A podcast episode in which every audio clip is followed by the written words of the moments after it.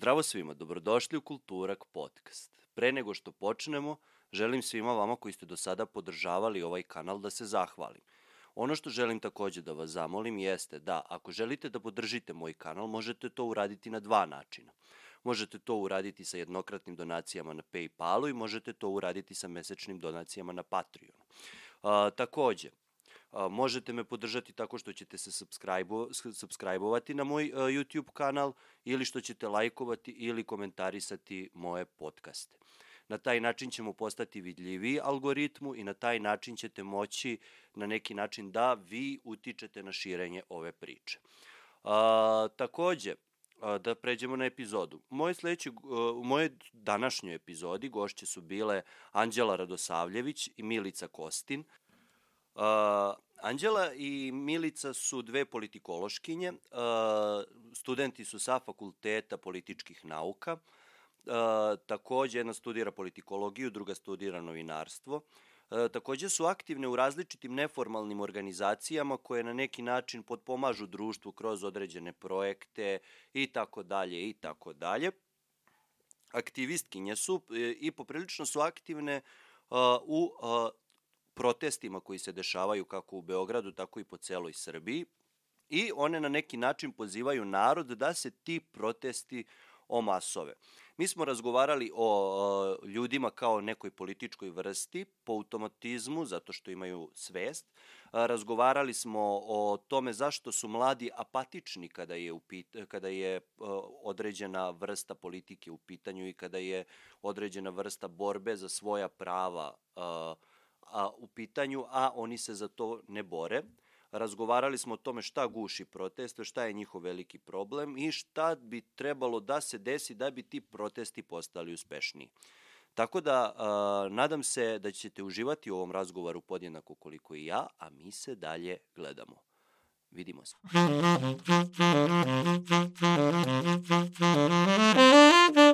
E. Zdravo. Zdravo. Zdravo. Dobrodošli kod mene u podcast. Kako ste? Ja sam odlično. Kako si ti, Milice? Odlično, uh, umorno, ali super. Umorno, ali super. Zašto umorno, ali super, bože? uh, radimo, radimo za džabe i tako mnogo se trudimo da nam bude bolje i onda tako ima previše stvari. Dobro, e, sad pre nego što počeo prva stvar koju treba kažem da mi ovo snimamo u novembru mesecu, odnosno decembru mesecu, pardon, ja se još nisam prebacio iz novembra u decembar, e, u mesecu kada se dešava jedna jako zanimljiva stvar, a to je, to su izbori! Uuu, tako je.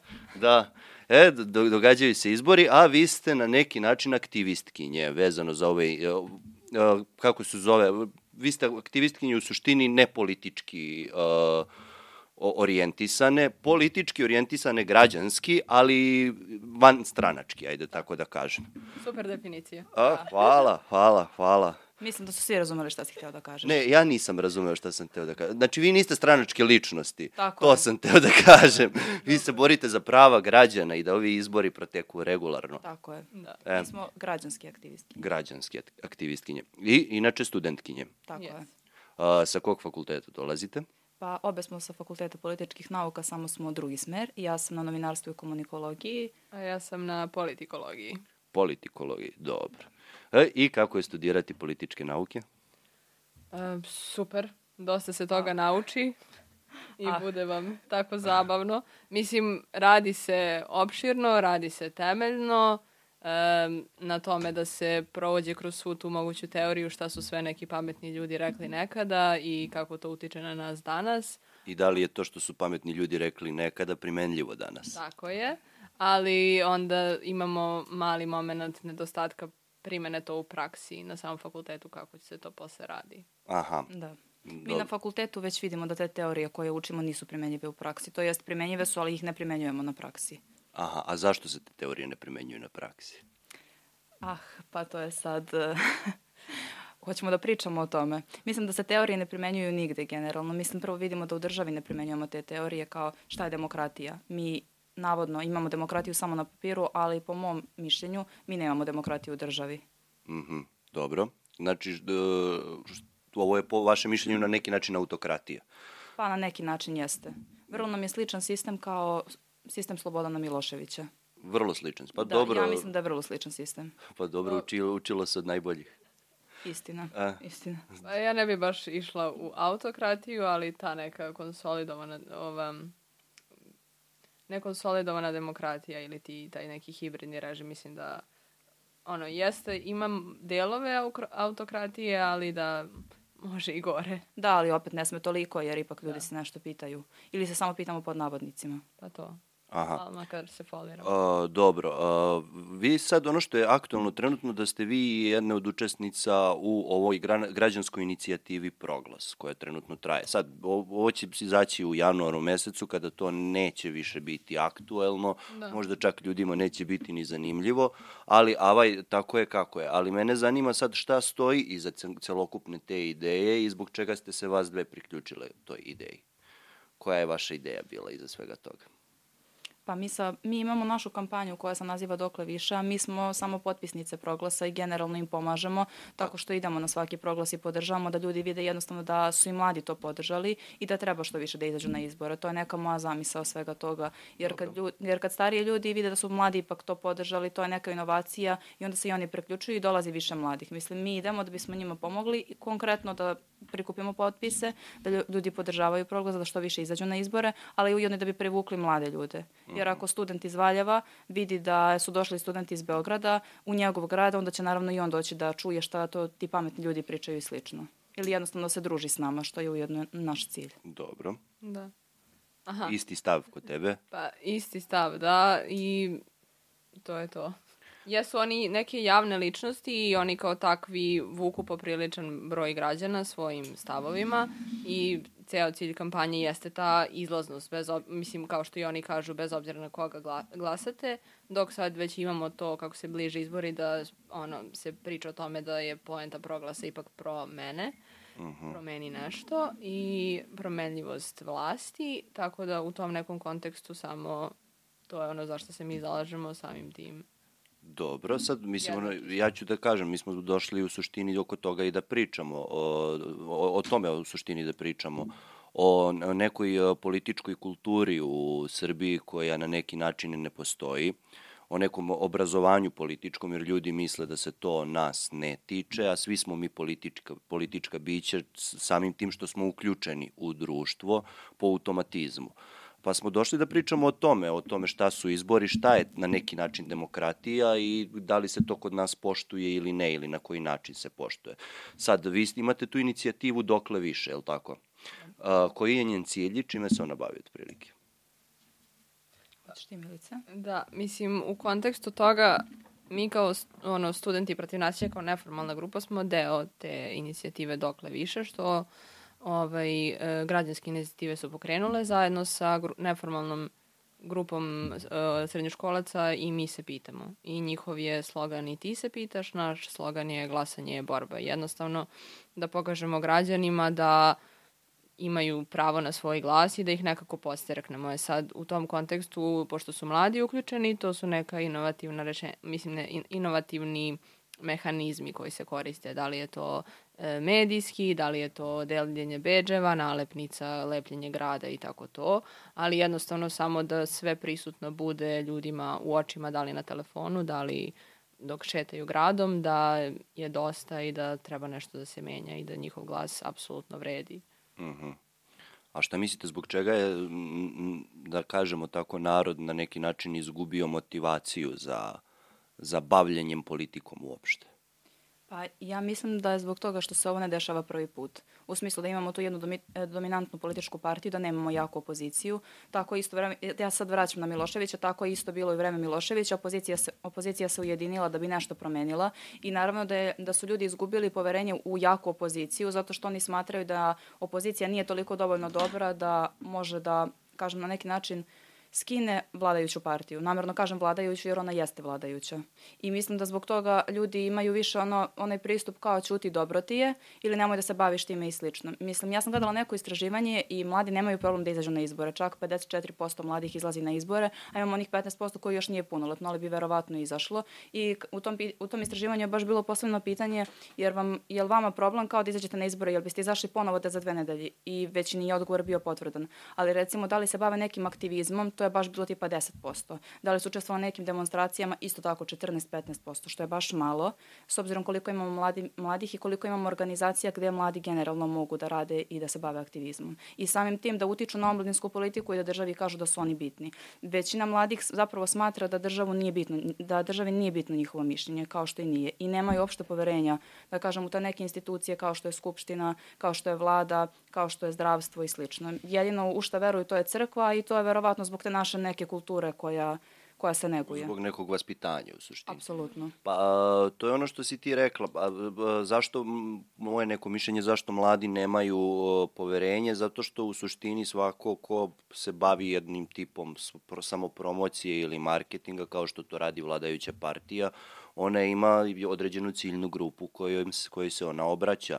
A toj vladajućoj, stra, vladajućoj partiji nije ciljna grupa, nisu ciljna grupa mladi i kada se nešto radi za mlade, to se radi da bi se pokazalo ciljnoj grupi, koje su uglavnom penzioneri i dosta starije osobe, da se mladi, za mlade nešto i radi, da bi oni mogli da kažu, e pa vidiš, radi se i za vas. Mm -hmm. Tako da je to neki razlog zašto mladi nemaju osjećaj. E sad, uh, ono što je tu problematično jeste uh, to što si ti rekla, svest o tome, o, o toj nekoj vrsti aktivizma.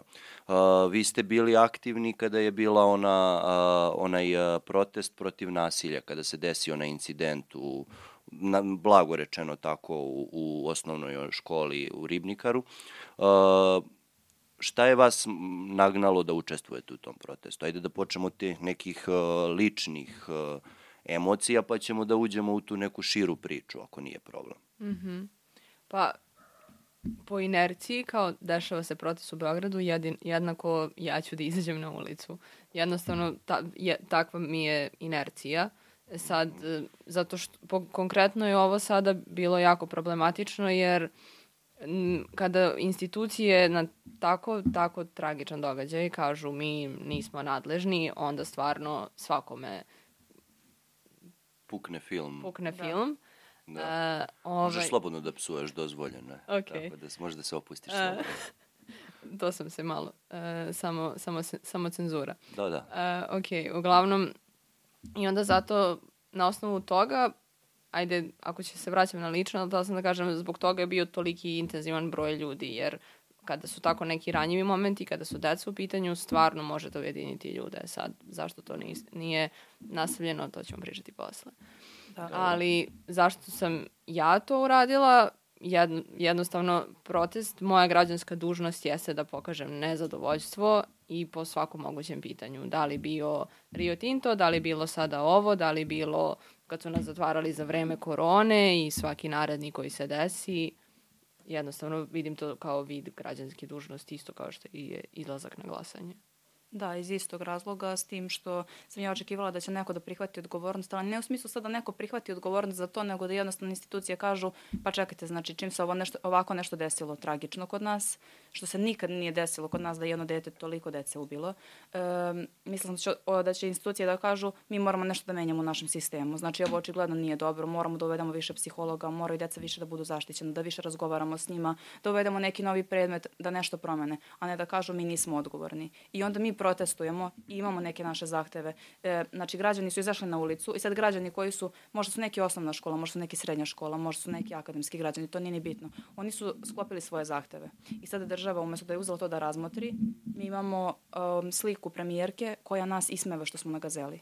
Znači, to je jedan takav sistem gdje smo mi onda trebali još više se pobunimo i to smo i uradili. Međutim, oni nisu reagovali na nas, nego su nas samo ismevali što samo pokazuje u kakvom začaranom krugu mi živimo. Uh, pa to je ono što je najveća problematika i kada, je, kada su institucije krenule da, da reaguju, te reakcije su bile poprilično banalne da. u određenim situacijama da je to bilo na granici sa vređanjem inteligencije. Uh, ajde, okay, ovakva situacija ne može da se prevenira u smislu ako je jedno dete imalo kvrc u mozgu i rešilo da ode i da pobije vršnjake, mislim, taj izolovan slučaj, stvarno ne mogu da ih krivim u tom kontekstu, e, aj sad preuzmite vi, ste direktno odgovorni Absolutno. za to, da. ali da vidimo šta ćete da uradite dalje, na koji ćete način da promovišete da se to više ne desi. A ne da mi odma dva dana kasnije imamo sličan incident u Mladenovcu, ne, sli, ne isti, ali da je dečko koji do duše E, to se, mislim, ono, koji do duše ima takav, takav uh, dosije kakav ima, uzme i pobije toliko ljudi da. u, mm -hmm. i da, odakle absolutno. njemu ilegalno oružje i šta ćemo sad, kako ćemo da rešimo taj problem? Ajmo da razoružamo Srbiju. Da. Mislim, kao, to su te neke banalne stvari koje su oni rešili da rade. Čekaj, čekaj, ti ćeš da razoružaš ljude koji imaju dozvolu i sa razlogom imaju određeno oružje. Ti ćeš da zbog osobe koja imala nelegalno oružje, umesto kažeš, e, po serijskom broju, ajde da nađemo gde da, smo. Da, odakle ti. Odakle ti to oružje, pa da se bavimo time ko ima nelegalno oružje da. kod sebe, a mi smo rešili da razoružamo celu zemlju. Što je u suštini jedna loša stvar Da, apsolutno je loša stvar.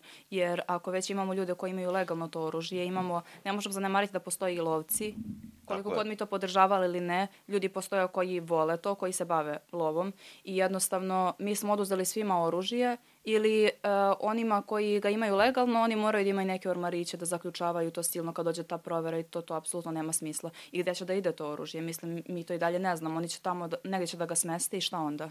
Da onda će imamo pa da se desi neka eksplozija ili nešto i to će da nestane sve. Mislim, baš je onako, nemamo, nama se nešto desi, ali oni ne smisle ni jedan pravi razlog da nešto reše, nego samo nešto ovako glupo izmisle, što samim tim vređa inteligenciju ljudi. I ono što, je, što se pokrenulo sa tim protestom, što je dobra jedna stvar, jeste, jeste neka vrsta vrša, vr, pri, razgovora o vršnjačkom nasilju, koja je jedna zeznuta stvar na globalnom nivou, da. ne samo u Beogradu. A, I generalno ideja protesta, koliko sam ja to shvatio, jeste bilo ne, na neki način dajte nam rešenje kako da suzbijemo nasilje. A, kakav je bio odziv ljudi, mislim, iz vašeg, e, onoga što ste vi videli na, na početku tih protesta? Odziv studenta ili odziv? Odziv generalno ljudi, a kasnije ćemo da pričamo o mladima, koliko su okay. se mladi u tome, u sve to uključili. Okay. Pa mislim, na početku onih prv, prvih par protesta je bilo preko 30 40.000, tako. Ja mislim da je na prvom protestu bilo oko 50.000. 50.000, da, da, da, ja mislim da je bilo 50. To. Onome što su prebrojali od prilike. Da. I to je samo jednostavno bilo najviše, baš to roditelji sa decom koji ne žele da im se to isto desi i da njihovoj deci se slične stvari ponove. Oni su bili ti koji su, ja mislim, kad prolazimo kroz masu, da sam njih videla kao ključne momente u, ma, mhm. u masi. Da, jer oni jednostavno i jesu bili najvažniji u toj priči, a onda se kasnije probudila i cela Srbija. Generalno onda smo imali na masovne proteste po ostalim gradovima i mm. meni je vrlo drago što su se i mladi uključili u tako nešto i što su studenti to podržali jer su i oni shvatili koliki je značaj iz svega toga. Uh -huh. mm. A, dobro, šta je za vas u suštini protest? Šta, šta bi to trebalo bude? Da razjasnimo to pa da onda krenemo za, o mladima da razgovaramo vezano za tu temu.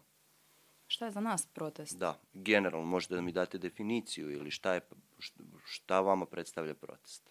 Pa neki, neću da kažem bunt, nego neku masu ljudi koja je nezadovoljna određenim stvarima u sistemu i iste te ljude koji su se okupili baš da bi to promenili. Da bi se, ili da bi se bar njihov glas čuo, pošto mi, jel te, nemamo ni slobodne medije, da njihov glas može da se čuje. Imamo medije koji nisu prenosili protest, koji su lažirali o broju. Imamo RTS koji je namjerno snimao ljude gde je bilo samo manje ljudi u odnosu na onu masu koja se uputila ka gazeli. Oni snimaju, kažu da je šaka ljudi i slično. Imamo Pink, koji apsolutno nije izveštavao pravovremeno i koji apsolutno krše sve kodekse koji jedna... E, koji... Sve kodekse novinarstva da, u suštini. apsolutno. Pa mislim, ja sam nešto to ispratio, da su oni napravili čak i veće u tom trenutku dok traje, mislim to veće su Sarapa, da, ne znam, e, ovaj, ovaj kako se zove, bre... Iz telegrafa, ja mislim. Da. da. Al... Ne mogu ne. da se setim kako je ovaj Jevutićević, mislim, niko njih nije kredibilan ni za šta, ali se opet tim poslom bave. Da mislim što je ok, ajde, nećemo sad uh, u to da ulazimo, ali ti, ti nisi u tom trenutku, mislim, bi, bilo koji protest uh, da se dogodio u Beogradu, uh, dogodilo se to da nije bilo, kako se zove, ispraćeno medijski. Tako je. to je ona čuvena fora, jel za Bruce Lee-a ili Jackie Chana koji je bio na TV-u kada je bilo, kad su bili oni protesti posle a, ono, kod najave onog lockdowna, kada su ljudi reš, rešili da ne žele da se zaključavaju više. A, dobro, i sad vaše mišljenje je da je u suštini da je to jedini način da se čuje glas naroda. Da. Da, pa ne bi bio, ne bi bio da imamo demokratiju. Mhm. A koje je alternat, e, drugo rešenje kada bismo, ajde u idealnim uslovima, u idealnim okolnostima imali demokratiju, kako bi to trebalo da izgleda? Pa ja mislim da imamo demokratiju i da imamo sistem koji je vredan da se ovako nešto ne bi desilo. U smislu možda bi se desilo to ubistvo, sad o tome nije ni zahvalno baš pričati naravno, Naravno, ali da. država bi imala odgovarajuću reakciju, rekla bi ok ljudi desilo nam se ovo, ajde da vidimo šta možemo da uradimo da sprečimo da se nekome nešto slično desi. Kao da rade na toj psihološkoj podršci, da rade na nekoj preventivi nasilja, da ukinu, ako je već na primjer e, Pink imao zadrugu, da ukine to sama država, nema potrebe da građani to traže, da ukine Pink, da ukine, da ukine Happy i slično, ne da mi gledamo na nacionalnoj frekvenciji e, porno snimak narodnog poslanika.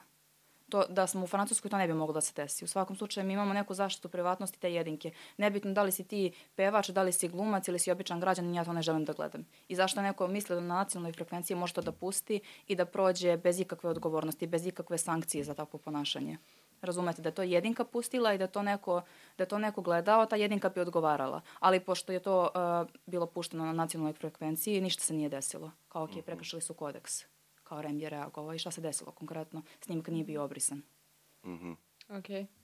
A, pa kada je u pitanju to idealan svet i to sve, mislim, postoji nešto što se zove tenderi, javne rasprave i tako sve, gde građani mogu da učestvuju i na koji način može, ono, sad objavi se konkurs, pa da li hoćete ovako da vam izgleda uh, urbanistički plan Beograda za tu i tu godinu, pa šta biste vi tu menjali, ako, se- ako je ovo na vašoj opštini i tako razne neke stvari koje i kod nas postoje ali se te, to se sve radi unutar nekih prostorija dva sa dva i onda ljudi ne učestvuju u donošenju odluka koje se njih tiču. I na taj način onda imamo protest kao rešenje. I onda za Ali- svak... Ajde. Izvini.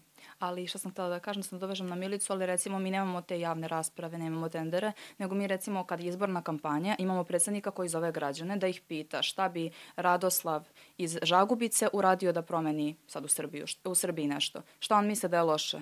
I e, Aleksandar Vučić govori da je to dobro, što on zove, šta ima loše u tome što on zove i pita ljude. Pa jel ti treba tako da radiš? Mislim, jel treba sad u izbornoj kampanji da ih pitaš šta vam je loše? Mislim, baš onako imamo jednu državu gde imamo, da kažem, tu demokratiju, to što je Milica rekla, sve ok, ali zapravo je nemamo. oblika. Da. Da. Pa to je ono da koliko, sad prva stvar, koliko bi predsjednik Vučić i u ovoj kampanji smeo da učestvuje. Ne bismo... Da, ne bi smeo uopšte da Ustavno učestvuje. i zakonski. Je. Mislim, ajde pričamo o tome, e, ti si spominjala ukidanje u tom trenutku kada se desio taj incident, ukidanje zadruge ili ne znam sad kako je, u šta je evoluirao taj, Da. taj, t- ta emisija, kako god taj show, uh, ti dolaziš do te situacije da po Ustavu Republike Srbije e, to spada u kiči šund koji ne bi smeo da se emituje na televiziji nacionalne frekvence.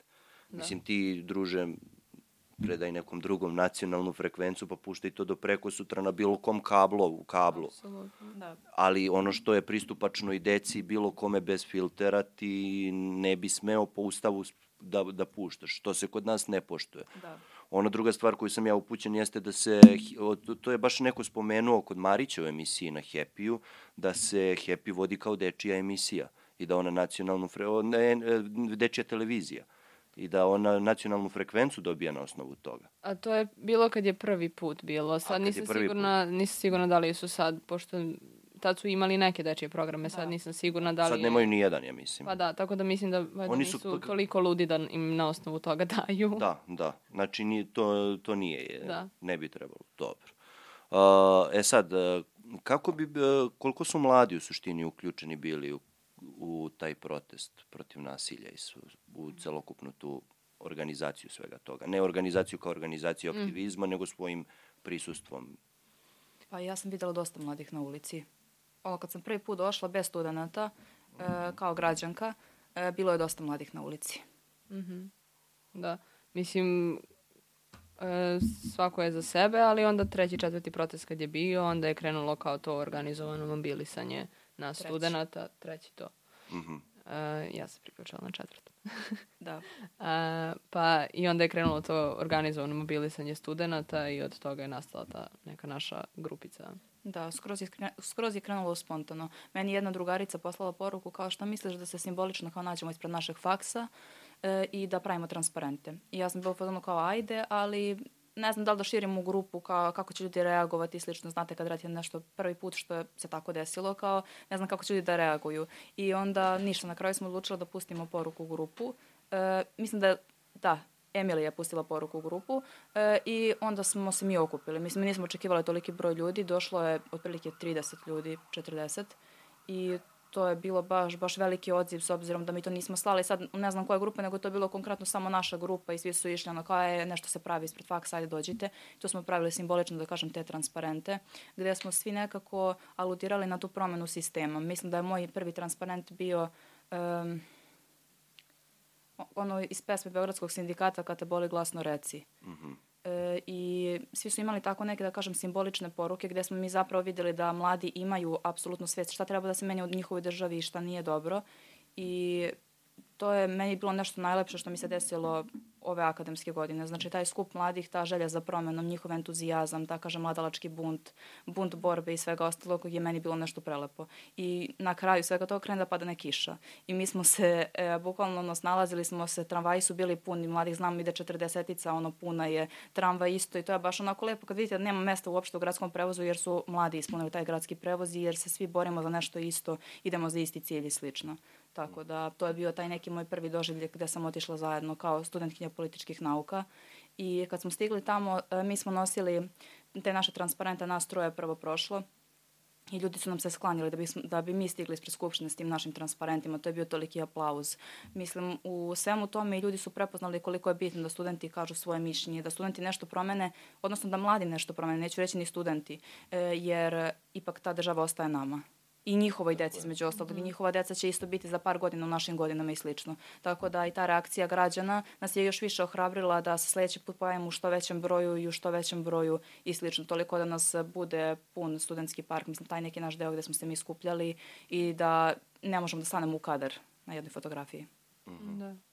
Ti dok pričaš sad ovo, ja sam u fazonu jao ti slavni dani. Baš mi ono kao, a, naježim se i u fazonu sam kako je bilo lepo i kako smo dobro krenuli tu priču i kako je sve to izgledalo kao da ima ono i da ćemo sve da ih raspičkarimo. Sorry, brate. A, ovaj, Samo ko- izvoli. ali onda je samo kao kako su krenuli i protesti sami da utihnjuju zbog tih svih, uh, zbog monotonije koja se dešavala i svih tih raznih um, mahinacija. Onda je sve to krenulo da opada i onda sad kao u isto vreme vidim to kao neku pobedu jer kao imamo sad tu grupu ljudi i ja sad kao znam da sledeći put kad se nešto bude dešavalo da mi njih sve možemo da pozovemo. I postoji teoretska šansa da će ponovo 250 studenta u roku od, ne znam, da li 24 ili 48 sati izaći na ulice. Ali nisam, to me plaši jer nisam kao 40% sam sigurno, nije preko 50. I onda kao u isto vreme to vidim kao pobedu, ali opet i neka vrsta poraza. E, Ja sam recimo za razliku od Milice 100% sigurna da će ti isti ljudi izađu na ulicu. Ukoliko se neki problem bude desio, apsolutno sam sigurna, možda čak i više. Pogotovo, da kažem, nakon ovih izbora, kada budemo imali, e, kada budemo videli šta su rezultati glasanja. Mislim, vidjet ćemo koliko su ljudi želeli, koliko ljudi žele da ih e, SNS predvodi. E, ono, koli, mislim, šta mi zapravo želimo, vidjet ćemo na osnovu tih izbora i u svakom slučaju valjda će biti određena reakcija javnosti na to. A, u suštini, zašto je, zašto je tu velika pozivnica za izlazak na izborima? Zato što šta se dešava sa onim ljudima koji ne izađu na izbore, odnosno sa njihovim glasovima i sa tim papirićima? Pa svakako se daju SNS-u. Znači, s, A, s- mislim, tehnički, da se vratimo na PSS, ovaj politički sistem Srbije, uh, to jest ljudi koji ne, ne ljudi koji budu, budu im nevažeći listići i tako sve, to su bačeni glasovi, onda se oni preraspoređuju na, ovaj, na, naj, na listu koja ima najviše. I zato ja kad ubeđujem ljude kao, ok, izađi i glasaj. Ali onda kad mi kaže glasaću za ono koje je posljednje na listi, ne, nego glasaj za nekog za koga veruješ. Jer nema potrebe da se glasa samo da bi se glasalo, to, znači, to je isto kao da ni ne glasaš, malo je drugačije, ali ako glasaš za nekoga ko nema potencijal da pređe cenzus i to radiš namerno, ne pomažeš ni sebi ni drugima. Da. A ako glasaš za nekoga ko ima potencijal da jel te, prebaci na svoju stranu, onda ćeš u tom slučaju omogućiti da ostali ljudi koji su rekli to ja ću da budem bačeni glas, da sada preraspodela ide na tu stranu. Mhm. Uh -huh. Znači, u tome je cilj da se izađe, to znači najbolja varijanta bi bilo kada bi se ljudi u suštini dogovorili ko, protiv koga bi, koja bi stranka direktno, za koju bi direktno stranku opozicijonu glasali.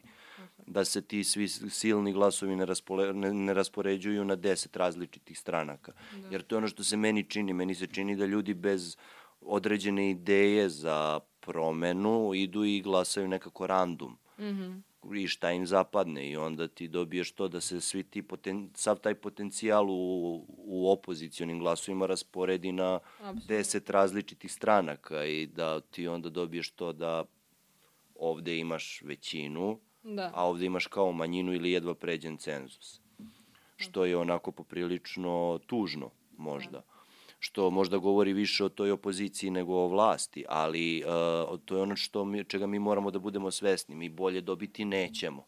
Bolje nemamo od toga što imamo trenutno. Da. Jedino što možemo da uradimo jeste da vratimo to, da vratimo tu snagu narodu koja fali. Da, i da im uvedemo, da im damo da kažem, neko osnovno obrazovanje o politici. Ne mislim da damo starim ljudima, nego deci koja tek treba da izrastaju. I e, mislim da uvođenjem tog možda nekog političkog predmeta u ono, u gimnaziji ili u osnovne škole, možda čak i u osnovne škole, da jednostavno deca znaju šta su njihova prava. Znači, mi otprilike svi znamo šta ne smemo, ali ne znamo šta smemo. I mislim da bi možda uvođenje takvog predmeta nešto promenilo, jer kao ti, mi bi onda automatski znali, ok, svi znaju, mi treba da izađemo da glasamo. O, znači, oni znaju o politici, ljudi znaju o politici to kad treba da izađu na glasanje. Ovo sad pričam opet za većinu. Jeste malo, ovako uzimam kao većina i slično, ali većina ljudi zna kad treba da izađe da glasa i kad treba da dobije neke pare od države. Znači, to je ono što mi znamo o politici. Da ali ono što, na primer, e, stariji ljudi se ne bi složili s tobom, stariji ljudi uglavnom znate onu izlizanu floskulu, vi znate koje su vaša prava, a ne znate koje su vaše obaveze. Mm -hmm. Da li mislite da je to istina? Trenutno pričamo o mladima, pričajući o mladima. Pa prava u kontekstu um, ži, životnih prava, verovatno, ali mislim kao e, sloboda izražavanja, kritičko mišljenje i tako neke stvari, medijske slobode šta su kakva treba da stoji vladavina prava, šta su sve tu neki zakonske regulative i kako sve to ide i kako ljudi treba da učestvuju u tome, mislim da ne znaju. Uh mhm. -huh. Ne znaju dovoljno. Mislim, znam, ono, moje pravo da sedim kući i da radim šta hoću, ok, relativno, ali mislim da kada je u dr pitanju državno, državna prava, da tu ljudi nemaju pojma. Jer smo imali taj predmet ustav, ustav i prava građana u gimnaziji koji je sad Jel sad on kao... Pa ima... Ne znam da li dalje postoji ili je kao samo za upis na fakultete, nisam sigurna. Mislim, ne znam koje predmete imaju gimnazije. Pa ja sam u medicinskoj imali, školi imao ustav. Imala sam i ja u medicinskoj da. ustav, da. ali to je bilo nešto četvrta godina. Četvrta ja mislim, da. godina, da. Jeste, ali sad je kao, da li su, to ne mogu, eto, vidiš, Da li su ga pretvorili kao da je ovaj izborni predmet ili su ga skroz Neko, kod nas je bio regularan. I kod da, nas pa je bio obavezan, ali možda su nešto menjali. Mislim, nadam se da nisu. Ne jer... znam, ne znam ali sad kao koliko se to ozbiljno shvata, to je već druga tema. Da. Mm. Ali mislim da taj predmet postoji kao takav. Sad, koliko ga, koliko su ljudi upućeni u sve to, to je ono što mi kao, ne, ne treba meni političko obrazovanje na nivou toga da ja sad sam upućen u totalnu uh, svetsku politiku, da. političku ekonomiju ili ne znam nija šta. Ono što ja treba da znam jeste da ja imam pravo uh, da budem adekvatno i pravilno informisan o onome što se dešava u mojoj zemlji. Ono što ja imam pravo jeste da iznesem svoje mišljenje, nebitno da li se ti sa njim slagao ili ne, i ako, ako to mišljenje ne vređa nikog na direktan način, da ne, ne treba nikakve posledice da trpim na osnovu toga i da imam pravo da mislim onako kako ja želim i da glasam za onoga koga ja želim. Mm E sad, to je ono što je kod nas, mi, uh, to si ti lepo rekla, hibridna ta neka demokratija, da, mi imamo svo to pravo, ali smo na neke druge načine uslovljeni da to tako ne bude. Uh, sad, koliko je, uh, to je ono što meni je jako zanimljivo, da mladi imaju poprilično svest o tome. Mm -hmm. A koliko oni to shvataju i koliko, mislim ne shvataju, nego koliko oni staju na tu stranu i bore se za takve stvari. Za tu neku slobodu govora ili su na neki način, vi ste u nekom direktnijem kontaktu sa njima nego možda i ja. Uh, -hmm. a, ali kao koliko su mladi u suštini shvataju svoju poziciju i koliko se bore za ta neka svoja prava. Jer to je ono što ne može ni do kakve promene da, da dođe dok uh, mladi ne uzmu stvari u svoje ruke. Jer evo, pri, spomenuli smo Miloševića. Miloševića nije, nisu, mislim, zašto je Slobodan Milošević oboren tako ružno, zato što smo mi sposobni da jako mnogo trpimo. Mm -hmm. I onda kad pređe granice kad prođu granice trp, eh, trp, trpljenja, onda idemo i po svaku cenu. Tako. Uh, da ne kažem i na pogrešan način um, skidamo pod znacima navoda. Ali ni to se nije došlo dok nisu studenti, a studenti su se 4-5 godina pre toga borili. Tako je. A mi sad nemamo to. Ja poznajem mnogo više ljudi koji su stariji, koji izlaze na te proteste nego moje vršnjake i vaše, pošto smo mi tu približni godina, i vaše vršnjake koji se pojavljuju na tim protestima. Mnogo više starijih ljudi poznaje. Jeste, da. Pa to smo mi imali isto jednu podužu konverzaciju sa jednom e, penzionerkom na kraju jednog protesta koja je rekla kao gde su mladi, šta se dešava, ovo se pretvorilo u penzionerski protest, kako ne možete da ih pokrenete i to sve. I mislim da kao, iako meni sad iz moje perspektive izgleda kao da jesu uh, ažurni i da jesu informisani i sve, mislim da je i dalje problem tog babla. Jer ja mislim da ja ovi sad dok pričamo i dok razmišljamo o tome nemam reprezentativni uzorak mladih. Jer kao znam ljude s kojima se ja čujem i koje ja pitam i da jesu informisani, ali opet postoji da li bilo u Beogradu, da li bilo u, u unutrašnjosti, određen broj mladih koji samo ih ne zanima, jednostavno su tako navikli i tako su vaspitani. Neka apatičnost. Da, apatičnost, otupljenost, jednostavno to je to status quo za sve, za svako pitanje. Ja se tu ništa ne pitam, nije ni bitno i tako to. Jer, na primjer, isto je tako bilo sad, pošto... Ju, Istina. E, e, u, u, jednom, u jednom pozivu pošto radim ne, i, ono, anketno nešto. Razdvojim isto slobodno. Sve je krenulo da se raspada, šta se dešava. Ove, Ovo mi se prvi put dešava. jer isto tako, da, jer isto tako se dešava da tipa i od mladih ljudi mi dobijemo prozivke kao Šolakova Milica ili tako nešto, razumeš? Tako da, A dobro, meni sad nije jasan taj moment, uh, dobro, ajde sad to je onako poprilično direktno pitanje, od koje grupacije dobiješ takvu vrstu prozivke? Pa ako, mislim, ako, o, in, ako pričamo o internetu, to ili su, to su anonim... botovi. Da, botovi, botovi, da. Botovi. Ali postoji, mislim, nisu samo, ne dobijamo hate komentare samo isključivo od nekih starih ljudi. Dalje i mladi ljudi imaju popriličan pool u tome svemu, jer su oni korisnici interneta pre svega. Imaju svakako, na primjer, e, ljudi od 27-30 godina se isto javljaju i e, šalju hate komentare, ali vi opet vidite to i je, društvene mreže su jedna platforma gde generalno svako može da iznese svoje mišljenje. Pa onda ja te hate komentare, mislim, mi generalno ne brišemo, jer Absolutno. opet puštamo da oni iznesu neko svoje mišljenje, jer kao, ok, ajde, zašto mislite da je to loše, kao konkretno. I oni nama, na primjer, mi smo imali jedan video skoro šta možemo da kupimo za 1000 dinara, e, pošto smo dobili tih 1000 dinara na studentske kartice, koje opet... Čestitam, čestitam, hvala, jeste ih hvala. potrošili? Ne. Nisam se prijavila za studentske Aha, dobro. Da. E, sad, rekao si njega na početku da kao država daje određene stvari, kao, ne, Milica je rekla zapravo, malo sam se izgubila, da država daje određene stvari, da ne daje nama, nego da daje našim roditeljima i slično. Ne pa upravo ta studentska kartica. Hvala, hvala. Upravo, izvini, ti si rekao. Neko je to spomenuo. Neko je rekao od vas dvoje. Ajde, opuštamo. Uglavnom, ta studentska kartica uh, je, nije data nama, nego je data našim roditeljima, bakama i dekama i baš sad je data. Kao, baš sad u predizbornoj kampanji smo je dobili. Kao, mi smo te stvari, mislim, kao, imate kao popust za letove. Kao, okej, okay, mm -hmm. odakle studentima za Air Srbiju Kao, nemamo, nemamo, dovoljno, nemamo dovoljno mesta recimo u domovima, nama, su, nama je smeštaj skup, nama je hrana skupa, nećemo mi da letimo kao. Tako da nećemo imati sigurno ni za to ako nemamo za neke osnovne stvari. Nam da kao 1000 dinara i ok, da se vratim na video. Mi smo snimile taj video i sad tu smo imali dosta hit komentara, mislim video je baš onako do, dosegao veliki rič, imali smo preko 200.000 prikaza. I, Čestitam. e, hvala. E, I ovaj... To samo na TikToku, na Instagramu još 150. Još 150 hiljada Da. ili... O, česti, znači 350 hiljada. E, Da. Mislim, to...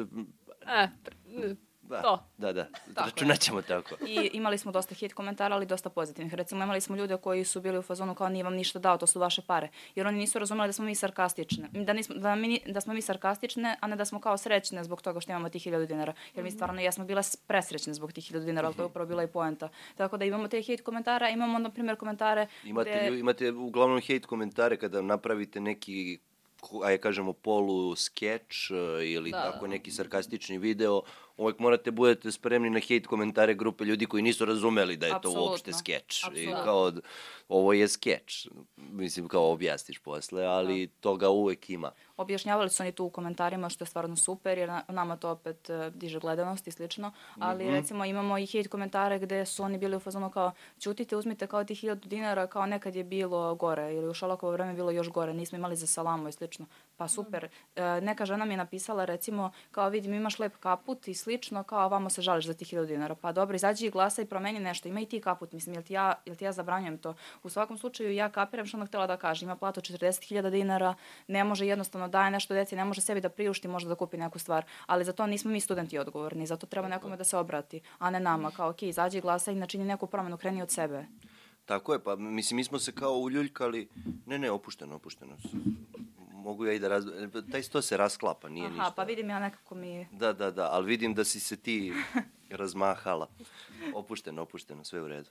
Uh, pa to je ono što kao, uh, mi smo došli i uljuljkali se u to kakvu god platu da imamo, daj samo da imamo platu, pa kao Da. kako živimo, nema veze, mazat ćemo majonez i stavljati parizer u pola vekne hleba i živeti na tome, koga jebe, razumeš? Ne, mislim, ali ako tako razmišljamo, možda bolje i ne zaslužujemo. A, mislim da je u tome problem. Treba možda malo ra- da, da, da se kao proširi svest, e, a, a to je ono, mislim kao, e, šta je tu starije, kokoška ili jaje? Ja mislim da je tu ono sad o toj medijskoj slobodi koju smo mi pričali, da apsolutno ono što bi trebalo da bude jedan od obrazovnih e, programa jeste i javni servis, da nudi određeni obrazovani sadržaj, a tebi javni servis nudi kič i šund.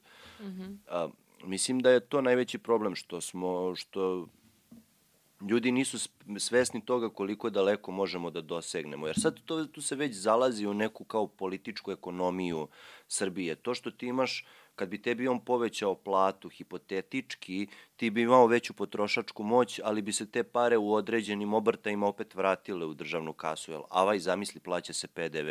PDV je osmišljen da se te sve pare koje ti potrošiš na kraju i vrate u, u državnu kasu. Tako da, mislim, e, trebalo bi, sad to je vaša dobra inicijativa kao, a, sad ono, ti si spomenula taj moment kao on je nama dao, zašto baš sad u sred političke kampanje dao hiljadu dinara, dinara, a da li ta politička kampanja, odnosno izborna kampanja ikada prestaje? Ne. Pa to je, to je cela mašinerija koja radi 24-7, 365 dana u godini jednostavno. I to je to. A to se zove... I zašto izbori na godinu i po dana? Pa da, i to se zove funkcionerska kampanja. Ne izborna, već funkcionerska kampanja. I što se tiče tih e, pomoći i davanja, to je onda kao najavljeno je još u avgustu, nemojte vi tako, nije to sad pred izbore, ali oči, mislim mi smo i znali tamo negde od septembra već da će to i biti i tad je najavljeno jer se znalo kad će da budu izbori. Mislim, to se zove proračunata odluka. Tako je. I to je prosto jednostavno tako. Nego što se tiče konkretno tih pomoći, mene najviše frustrira od svega toga je nikakva doza selektivnosti. Znači, nikakva doza selektivnosti, samo isključivo to, penzioner jednako dobit ćeš. E, student si jednako dobit ćeš. E, ne znam, srednjoškolac si jednako dobit ćeš. Mislim, šta, jel postoji nešto, neki ekonomski status, ono, kako, kako tačno vi odlučujete da apsolutno svako, svakome treba i da je neophodno da svako dobije od države i da to, kao što smo rekli, posle ponovo vrati u državu. Mislim, onda samo stvaramo neku ludu inflaciju, ra- stvaramo dugove i Tako je. ko, koja je poenta ovoga? Ok, Dakle. poklon, super, hvala, ali samo praviš sebi veći problem. Ali ne praviš sebi, nego praviš meni i mojim unucima. Tako je, ali to je ono što ljudi kao žive, to je ono kao danas do sutra ja sam prihvatio tu pomoć, a koje su posledice te pomoći, to neće saznati ta osoba, to ćemo Da. mi saznati tek za generaciju ili dve u Da. suštini. Ali dobro, sve to ima neki svoj život na koji mi ne možemo toliko ni da, da utičemo, osim ako stvarno ne promenimo i ne izađemo na izbore. Sad ono što može da se uradi, sad ono što sam teo da vas pitam jeste za tu kampanju, koliko je ova kampanja u stvari poštena? A, nije pošteno uopšte. Dobro. Mislim, mi recimo vidimo taj njihov politički marketing, ok, možda opozicija nema toliko novca da plati politički marketing koji ima vladajuća partija, ali opet e, imamo i to da recimo, ukoliko lepimo neku nalepnicu, jer ono, mi kao studenti uvek zalepimo nešto negde, ono kao bude, ok, pozove, obuhvati određenu grupu ljudi, ljudi to vide i slično vidljivo je itd. I onda imamo ljude koji idu to i odlepljuju za nama.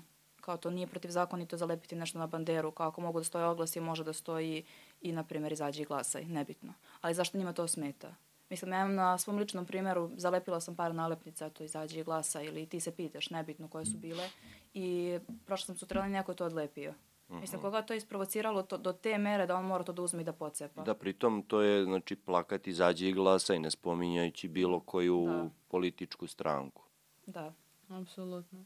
I onda imamo njihov marketing gde neko ide i e, govori loše stvari o opoziciji, gde oni, e, gde je opozicija konstantno kao loša. Znači, opozicija ništa dobro nije uradila, opozicija je konstantno loša.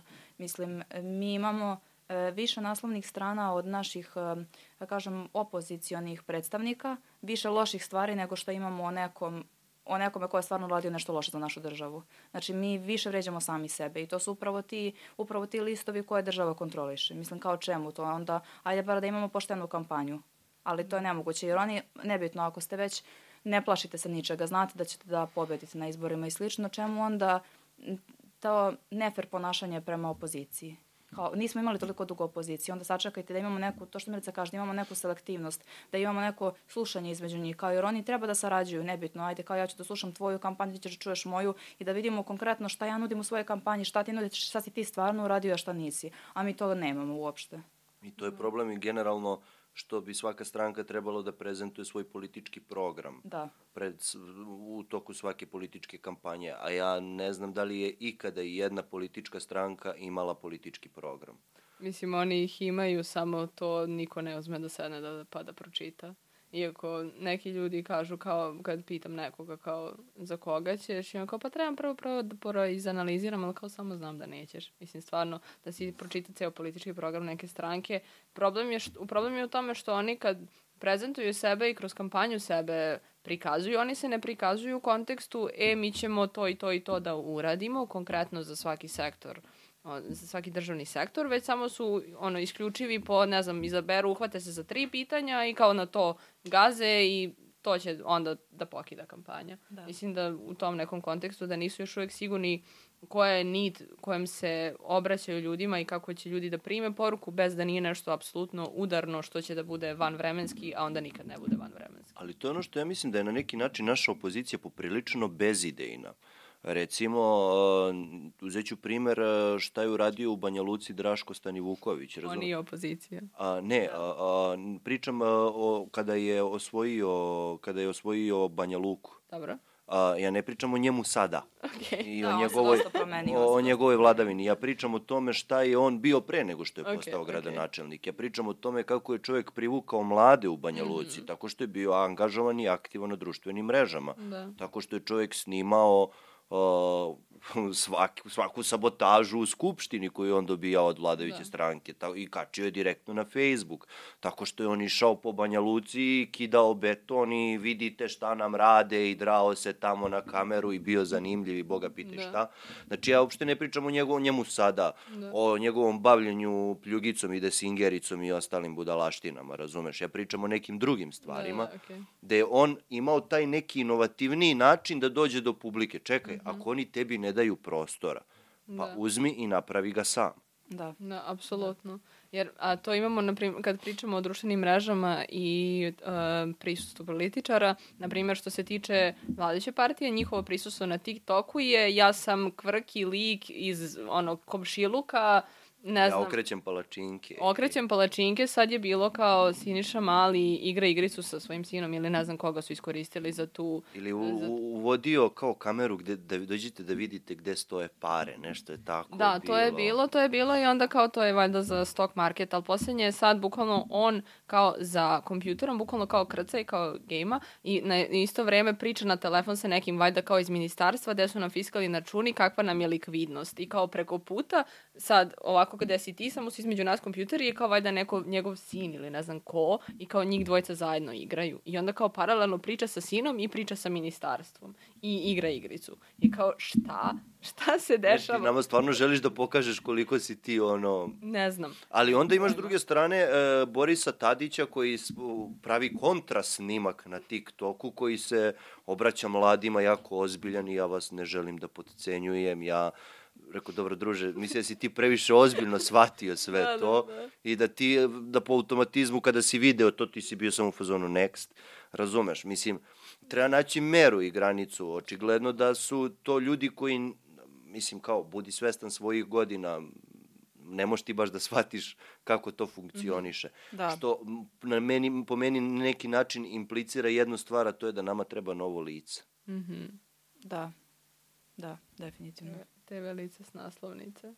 Da, pa neko ko će da dođe i da uleti u kampanju, a da nisu još te stigli mnogo da ga oblate. Da, Da, apsolutno. istina, istina. Ali ne znam gde ćemo da ga iskopamo, gde da ga nađemo. Ali sigurno postoji negde. Pa da. sigurno postoji, to je svakako.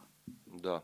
Ali eto vidite da su društvene mreže jako bitne i da um, dostižu jako veliku gledanost i to shvatio je, shvatio je i Aleksandar Vučić, pa imamo te njegove TikTokove koji su onako, ja ih ne bih komentarisala. Skaradni. Da, ja ih ne bih komentarisala. Ali mene je recimo malo dotakao ovaj video, mislim, ne znam, on, on je pokušao bude smešan. On je na taj način, verovatno, to ono što su rekli kao mi radimo za mlade, verovatno su to pokušali, kao napravili su TikTok, a TikTok je za mlade. I onda su kao nešto uradili, znači on se nama pojavio, ja sam Aleksandar, kao. I sad ima i onaj, kao, jedan deo kao da je, kao da je za Vogue, kao novinarka njemu postavlja pitanje, on odgovara, pa se kao šeta, kao nešto gleda, mislim, strašno. I onda mene recimo malo dotaklo Neću ovo... da komentarišem, ali... Ali ću da komentarišem. Ali ću da komentarišem. Ne mogu da ne komentarišem. Znači, e, mene, je, mene je pogodilo ovo, recimo, ovaj njegov e, video, pretposlednji, poslednji, pošto on baš onako aktivan. Ono sa igricom. Ne. Ono iz, e, kada priča kao s ljudima. Kada zove kao zdravo, ja sam vaš predsjednik, izvinite što vas zovem u ove rane poslepodnevne sate. Misliš da- call za call center? Da, da, za call Aha. center. Kao da si to stvarno rekao? Mislim, kao sad, on hoće, pošto, eto, sve se ovo otkrilo vezano za call center i slično, znači, kao znamo da oni zovu ljude i to, zar to opet nije neki pritisak? Kao on kaže, šta To je ima loše u tome? Šta ima loše u tome? Vidimo ova njegova gostovanja, malo malo Pink, malo Prva, malo Happy, on se tako pojavljuje kao svako veče, on negde. I kao I onda vidimo da on pokušava sebe sad na neki način da odbrani kao i, i nervira me to što manipuliše tako ljudima, u smislu manipuliše emocijama kao pa šta je loše pitati građane kako su? Jel da, sad si se setio da pitaš kako su. Znači, kao samo pravda onaj postupak koji je otkriven i sad je, on, o, sad je on našao da priča o tome, kao šta je loše u tome. Čekaj, što nisi pričao o tome da zoveš građane, da komuniciraš s njima pre nego što se ovo otkrilo. Ali ja mislim da u suštini u celokupnoj toj priči ne bi išao sa to, to, ni na tako banalno kao e što nisi pre, nego druže to nije tvoj posao. Da, apsolutno, Idi sedi u apsolutno. predsedništvo i radi svoj posao. Idi rukuj se sa predsednikom Kine, sa predsednikom Evropske unije, idi, razumeš, budi ko što je kraljica ili sad već kralj, pošto je kraljica je al, ovaj, mrtva. Večna pamjet. E, tako je, tako je. e, idi i budi ta vrsta nekog uh, osobe koja predstavlja našu zemlju. Tako. A, ja mi, on je kompletno pljuvao sad sve ono što je bilo pre njega, on je uradio sličnu onu stvar koju je uradio i Boris Tadić kada je Mirko Cvetković bio Da. n- a, premijer. Ja, ja nisam znao da li taj čovek živ uopšte.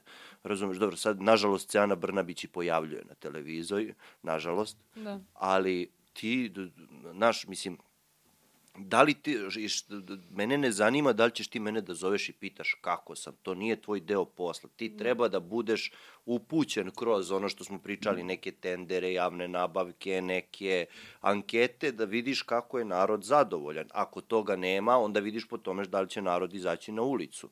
Tako je. Mislim, i oni su pričali, oni su pravili onda kontra miting i onda do, bude 50-60 hiljada ljudi, ali to je 50-60 hiljada ljudi iz cele Srbije. Da. Ti si dovuko celu Srbiju u Beograd, a ovo su ljudi koji su se okupili u okolini samo. Tako je. Da. I na primjer sad isto kad je bio ovaj poslednji u Štark areni, mi smo se u tom trenutku vraćali sa proglasa iz Leskovca i bukvalno u susret mi smo izbrali, ali apsolutno 17 autobusa. Znači samo u jednom, da, samo u jednom, u jednom trenutku samo 1, 2, 3, 4. Da, da. I Onako kao- zatamljena stakla. Da, I zatamljeno staklo. Da, bile su na nekim. Super su im autobusi. Pa dobro, da ne, vidim, da ne vidimo kako jedu sendvič. Da, i te autobuse recimo niko nije zaustavio, ali autobus opozicije je bio sabotiran. Mislim, i onda, da. I gde je onda tu fair kampanja? Znači, nema je. Kao čemu sabotaža? Da, pa i generalno kad se pogleda medijski prostor, svakako kao na, na javnom servisu, svi oni imaju podjednako prostora.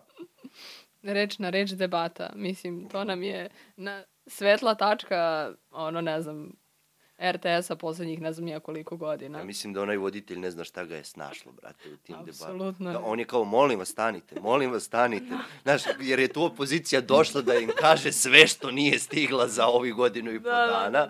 I onda ovaj mučenik ne može da ih zaustavi nikako, razumeš? Da. A onda je tu neko polupismen iz vladajuće partije koji ne zna ni da razgovara kako treba i onda kao to je... Joj.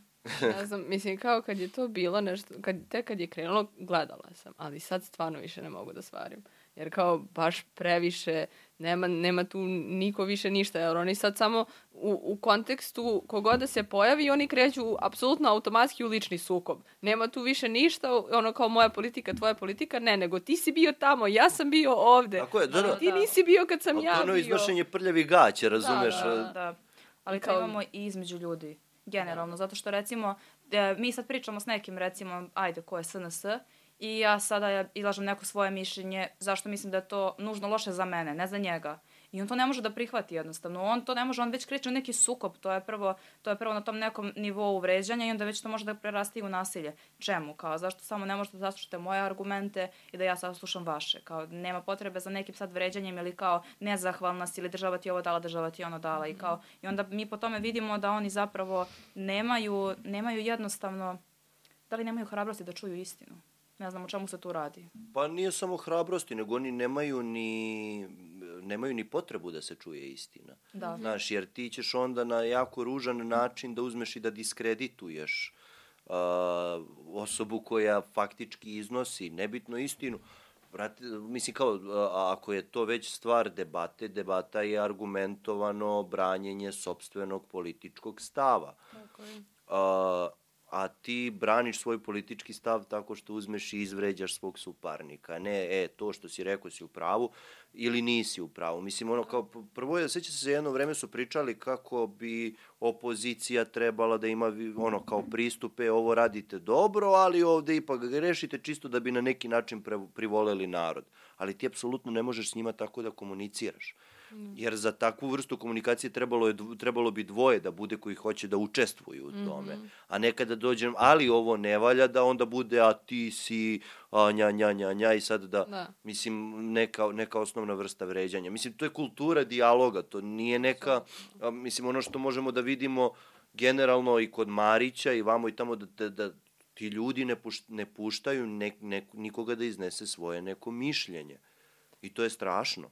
Da, mislim da je najbolja ta inovativnost kako smo mi apsolutno isključili debatu jeste prikazivanje isečaka i onda raspravljanje sa isečcima. Jer kao tehnički tu je ta osoba i ona je nešto rekla Tako i onda osoba koja je u studiju odgovara na to. Ali sada ova osoba nije tu da ponovo od, odgovori da to bude debata. To je samo e, polu dijalog, ali u isto vreme je više monolog. Da, ja mislim da zato treba koristiti internet, jer ovakve stvari u suštini, ja nemam tu vrstu cenzure da oni meni mogu da zabrane, recimo da ja ovako nešto objavim. Da. Mogu da me banuju, ali ja mislim da to Mislim da nema, nema, nema osnova svakako. nema osnova, svakako Mislim da nisam uvredio. to, Da, to. E, ali uh, ono što može da se desi jeste da uh, treba tako, na takav način dolaziti, sad, ja ne, ne, ne očekujem da će se doći do starijih, ali do mladih, mm -hmm. i to je ono što je recimo Vučić možda i shvatio, pa kao ušu TikTok i šta ga da, boli da. uvo. On je shvatio da je to društvena mreža mladih, ali ne mladih kao mladih kao da. vas dve ili ja, nego još i mlađih. Da, apsolutno. To je za 15, 16, 17, 18 godina idealna društvena mreža. Da, da. ali on je, ja mislim da je on um, više radi na tome, na otupljivanju ponovo, jer nije tu sad, mislim, obrtanje palačinki, stvarno niko neće glasati za tu partiju, realno, ali mislim da je to dobra stvar jer su se aktivirali ovi srednjoškolci koji su ovaj, i dala bi njima tu popriličan kredit, koji su bili aktivni još onda kad je bilo za onu državnu maturu i sada su aktivni u kampanji i ja mislim da su ga oni poprilično bocnuli. Jer da mi se baš toliko poklopi hronologija da on sad odjednom krene neki TikTok i da se obraća mladima, ovaj, tako da mislim da to ima poprilično udala u tome, ali da svakako se ne radi na tome da se digne glas i da se mladi, da on privuče mlade da im sad pruži neku podršku i da im kaže šta će on sve super dodati za njih, nego samo da ih otupi i da bude ono predmet ismejavanja, jednako, bože sačuva i političari, neću nikad da se bavim politikom, neću nikad ovo da vidim i da mi pade na pamet da mi pomišljam o ovome. Da. Mislim da više u tom nekakvom smeru ide ta TikTok kampanja. A možda imamo i onu drugu grupu mladih koja bi rekla recimo da im je to cool ili da im je to smešno da za takvu osobu treba da glasa jer kao vidi naš predsednik šta sve zna da uradi kao jel to zna da uradi ove ili one ne to samo zna da uradi Vučić i onda kao i da glasamo za njega ili da pokažu možda i roditeljima da to širi po grupama i slično ja mislim da to može da bude i ovo zatopljivanje ljudi kao siromaših pa vladaj, da. isto tako može za glupih pa ono, zaglu, zaglupljuju ih pa onda nastavi dalje da radiš šta želiš s njima, ali isto tako mislim da jednostavno može da bude i to da neko od 15 godina ko gleda to smatra i ko nema pojma šta je politika, možda eventualno zna nešto, ali ko nema pojma o tome, misli kako je to, to treba tako da izgleda, kako oni svi treba da budu tako cool, smešni, zabavni za masu, jer kao to je političar, on je javna ličnost, treba da zabavi ljude, a ne da uradi konkretno nešto za njih. Ili da im eventualno napravi palačinku s telom i bananom. Može da stavi šlag preko Ali uh, to je ono što, ja sam čitao neka istraživanja u, koje su rađene u Evropskoj uniji, u kojoj se naš predsednik toliko kune, gde, su, gde oni govore da je, što se tiče slobode govora, Srbija u Evropi generalno na najniže mogućoj lestvici. Mm -hmm. uh, me, ja mislim da je kao nabrojali su samo, ja mislim, Belorusiju koja je ispod nas i eventualno još neku možda zemlju. Uh, ali što se tiče slobode govora i to kao prostora u medijima, da smo mi ono na najnižoj mogućoj. Ti kad, sad kad pogledaš Hrvatsku, koja nije ni ona sad neka, ajde da kažemo, demokratska zemlja, ali je a, kulturnija je mnogo od nas, ajde reći ćemo tako. Ovo je da. baš ono princip seljački, da prostite na izrazu ono, uh, svađam se sa komšijom oko mog dela njive. Mm -hmm. Takav je to. Da, da, da. Ja mislim da takav princip kampanje ima SNS i ko će koga više da potplati. Ja ću ovom mom da dam, da malo produši za, za ar ili ne. Ali uh, ti kad pogledaš njihovu samo hrt televiziju, razlike između njihove, njihove hrt televizije RTS-a, to je nebo uh. i zemlja. Da. Nebo i zemlja, koliko su oni tamo kulturni, koliko o, o, njihov njihova televizija ima i dokumentarnog sadržaja i filmova i svakakvih emisija koje, u kojima možeš da budeš kvalitetno informisan. Mm -hmm. Istina. A, a ne da dođeš u Srbiju, u situaciju u Srbiji da ja idem i informišem se u tome šta se dešava u Srbiji u Newsnet podcastu. Da, da, da, da. da. Jer je, to je jedini način da ja mogu nešto da gledam i da svarim. Apsolutno. Da gledam Ivana Ivanovića ili Newsnet i da na taj način, ili Kesića, i, kao što se 90% ljudi informiše danas. Da, ja, mislim, ono što, što moram da pratim u toku dana neke vesti za neke aktualne probleme svakako, ali taj presek definitivno Kesić. To je to. Da. Drugačije ne, ne mogu, mislim, kao šta da...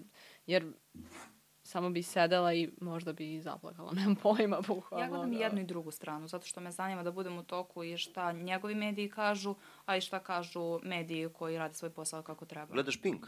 Ne gledam Pink, ali gledam RTS. Aha, i kako ti se čini trenutno RTS, pošto ga ja nisam gledao u tom kontekstu, ne pa. Pa mogu da kažem što se tiče vremena i sporta su okej. Okay. I pa dalje ne Dobro, u sportu su nekad i diskutabilni. Pa jesu, ali to je to što bi komentarisala vreme, eto Okay. Ja nekad pogledam kulturni dnevnik, to zna, ume da... Ali to nije RTS. e, mi- mi- Ima na RTS-u jedan na kraju. Aha, na uveče, kraju. A, uveče imaš bukvalno a kao misli pola si onaj 12. kulturni dnevnik na RTS-u 3 ili... Ne, ne, uveče kao na RTS 1, kulturni dnevnik u pola 12 i to, me kao, to mi malo vrati nadu. Jer kao... Ali normalno. pola 12 uveče. Pa da, to jeste problem zato što, zašto je u programskoj šemi to tako kasno i Dobro. A ostalo je kudi kamo otužno. Da. Pre... Jedino što ja gledam na RTS-u je sasvim prirodno. A onda se ne informišeš na Pa RTS. da, kao samo, samo emisije, ali ono, pogledam nekada, kažem i dnevnik, čisto da bih znala malo o čemu pričaju. A to znači gledaš samo Medovića. Da. Da, da. Pa dobro, Me- Medović je o- institucija za sebe što se tiče Da, da, kompletne definitivno. televizije. A, I sad, mislim, ajde sad ono što je u suštini konkretniji problem jeste u tome, sad ću ja izneti neku svoje mišljenje, a to je da bi pro protesti bili uspešni, oni moraju da budu stalni i učestali, odnosno moraju da stvarno uzdrmaju zemlju, jer ne može da izađe 50.000 ljudi na protest i da taj protest nešto promeni, jer taj protest nije prekinuo ništa. Zaustavio je saobraćaj u, u Kneza Miloša i eventualno na Gazeli, što nije neki veliki problem na sat vremena, veliki problem je u tome što ti, kad god, šta god, da- moje, to je moje mi- mišljenje sad, šta god da se desi, a da se mi ne slažemo s tim, je, to bi trebalo da se reši na ulici. Yes. Da. Da. Kako je vaše mišljenje vezano za to? Pa i moje isto kao tvoje u smislu i da sad e, bude i neka, neka opozicijna stranka da bude ovaj da kažem vladajuća ovaj Hipotetički. Hipotetički Da. e, mislim da šta god da nam smeta u buduće treba da izađemo na ulicu. Znači bilo to neka najmanja stvar ako ne možemo već da je promenimo nekom javnom raspravom, tribinom slično e, da treba da izađemo na ulicu. I uh, ono što bi, uh, ja mislim da to treba bude na toliko nivo, na- tom nivou da ako se desi lupam neki dogovor u inostranstvu, taj dogovor s nama nije dovoljno transparentan da zbog takvih stvari, ne sad ja nisam zadovoljan svojim životom, nego ja želim da budem informisan o tome šta vi radite. Da. Da. Ne, to- je na, na, u situaciji da je Vučić bio na onom skandaloznom razgovoru sa Trumpom gde su ga stavili u onu cocu, razumeš, za, za male bebe i on je dobio Trumpa hemijskicu i kao sad on se s njim nešto dogovorio, ovaj njega dočekao, čekaj šta si se ti sa njim dogovorio? Ja ne znam da li je to bilo transparentno i u jednom trenutku. Pa, us, je, da, da li je bilo transparentno? Mislim, ja znam, znam do, imali smo, likovano je pa smo svi saznali šta je, ali da li je bilo transparentno? Pa možda tipa posle 3-4 meseca, ja mislim da je bilo. Mhm. Ali pre toga mislim da ne. Ali opet internet to pusti i onda tehnički bude transparentno. Ali opet, Tehnički, ali onda i to dobija, dobi, dolazi do toga da gubi kredibil, kredibilnost, da ti ne Da. znaš da li je to 100% tačno ili nije 100% Da, da, da, tačno. Ja da. pričam da ti dobiješ informaciju od eh, ministarstva, predsedništva Da. i da dobiješ Da, da, da. i da ne može da se dovodi u pitanje da li je to istina ili nije istina. Apsolutno. Ja mislim da treba odatle polaziti i, i da oni na neki način imaju strah pod znacima navoda od naroda, jer kao dolazi kao svi su oni isti, pa kad dođe novi, ako on oseti da je njegovo dupe u fotelji ugroženo, neće on baš tako lako uzeti i raditi ono što su i prošli radili. I smenjivati ih dokle god ne dođe neko Da. i ne bude dobar. Da. Da. Pa makar to je, za, nam za to trebalo 30 godina, 50, 100, koliko god. Jer promene nisu preko noći, to je dugačak A proces. da, mislim, treba i ono, da se neguje kultura, da se neguje kultura demokratije definitivno, jer ne možeš ti sad kao ni, zašto se nije desio 6. oktobar, zato što se nije, nije se negovala ta promenljivost vlasti i onda smo došli do, vratili smo se unazad. Da. I onda, ako hoćete da vam bude bolje, onda radite na tome I da onda vam su došle bolje. generacije koje su skidale slobu i neuspešno, mislim, uspešno su ga skinule, ali neuspešno došle do promena. Da. I onda šta oni rade? Oni truju sopstvenu decu sa tim, ne možete vi ništa promeniti, Da. nemojte džabe da se nadate. Da. I dolazi do toga da zbog toga a, mladi postaju apatični. I da oni iz tuđeg iskustva ne žele da teže ka nekom buntu ili promenama koji je prirodan i normalan za mlade. Da, jer se već u porodici uguši, jer ti kao mlada osoba čim izneseš neko mišljenje, ti si još zelen, ti ne znaš, ne razumeš se u politiku, čekaj je. da ti ja kažem i onda tu već dolazi da ti izgubiš neke svoje ideologije, neke svoje vrednosti i da jednostavno ne želiš da ih deliš sa drugima. Ili si ono uplašen kao nemoj da pričaš o tome, nemoj o politici s nekim drugim i slično, kao ok, ne pričamo o tome koga ćemo da glasamo, pričamo ono sa svojim ljudima i slično, ne, ne govorimo to javno opet, ali Tako u je. svakom slučaju ti možda izneseš neke svoje stavove i slično, ali ako ih porodica već uguši, šta onda očekivati od nekog, šta onda očekivati od predsjednika države? Zašto bi njemu bilo bitno tvoje mišljenje? Tako da moramo da radimo i na tome da te jednostavno malo starije generacije e, ne moraju da savjetuju mlade, nego samo nekih puste da pričaju. Tako je. Samo da ne budu u fazonu kao, e, desit će ti se nešto, nemoj to da kažeš i slično, jer mi imamo i to da je neko jednostavno uplašen za svoj život, uplašen je za, pos, za svoj posao i slično gde ne može da kaže i gde ne želi recimo da priča. I onda kako se to u jednoj demokratiji desilo. Da neko bude uslovljen, da neko bude uslovljen po, e, za posao, da mora da izađe da glasanje. Ili kao, ako slikaš listić, ja ću ti toliko para, pa kao to je krivično delo, kako možete to da radite. I mi onda, meni se onda stalno vrati ona scena, ne znam kad je to bilo, bili su valjda izbori kako je Aleksandar Vučić sa Tomislavom Nikolićem našao neke 3000 nekih listova, jel te, u kontejneru, pa su oni izašli ljudi, vidite, kao napravili scenarij od toga kupovina glasova, kao i slično, i čekaj, sad ti to isto radiš, I onda Da. kad neko to kaže, ti si onda u fazonu kao ne, ne, ja se čuvam sa građanima svako veče, kao pričam s njima i to. Pije Ma, kafu i ostalo. Da, a mislim da je tu najveći problem što i mi krećemo da percipiramo to kao e, predsjednika nije briga, pa ni ne treba da ga bude briga. Znači nije njegova nadležnost. Mislim imamo premijerku, imamo predsjednika skupštine, imamo poslanike, imamo ministre. Mi imamo tri osobe koje su ispred predsedničke funkcije faktički po, po Da. nekoj hijerarhiji, ajde da to tako Da. kažemo.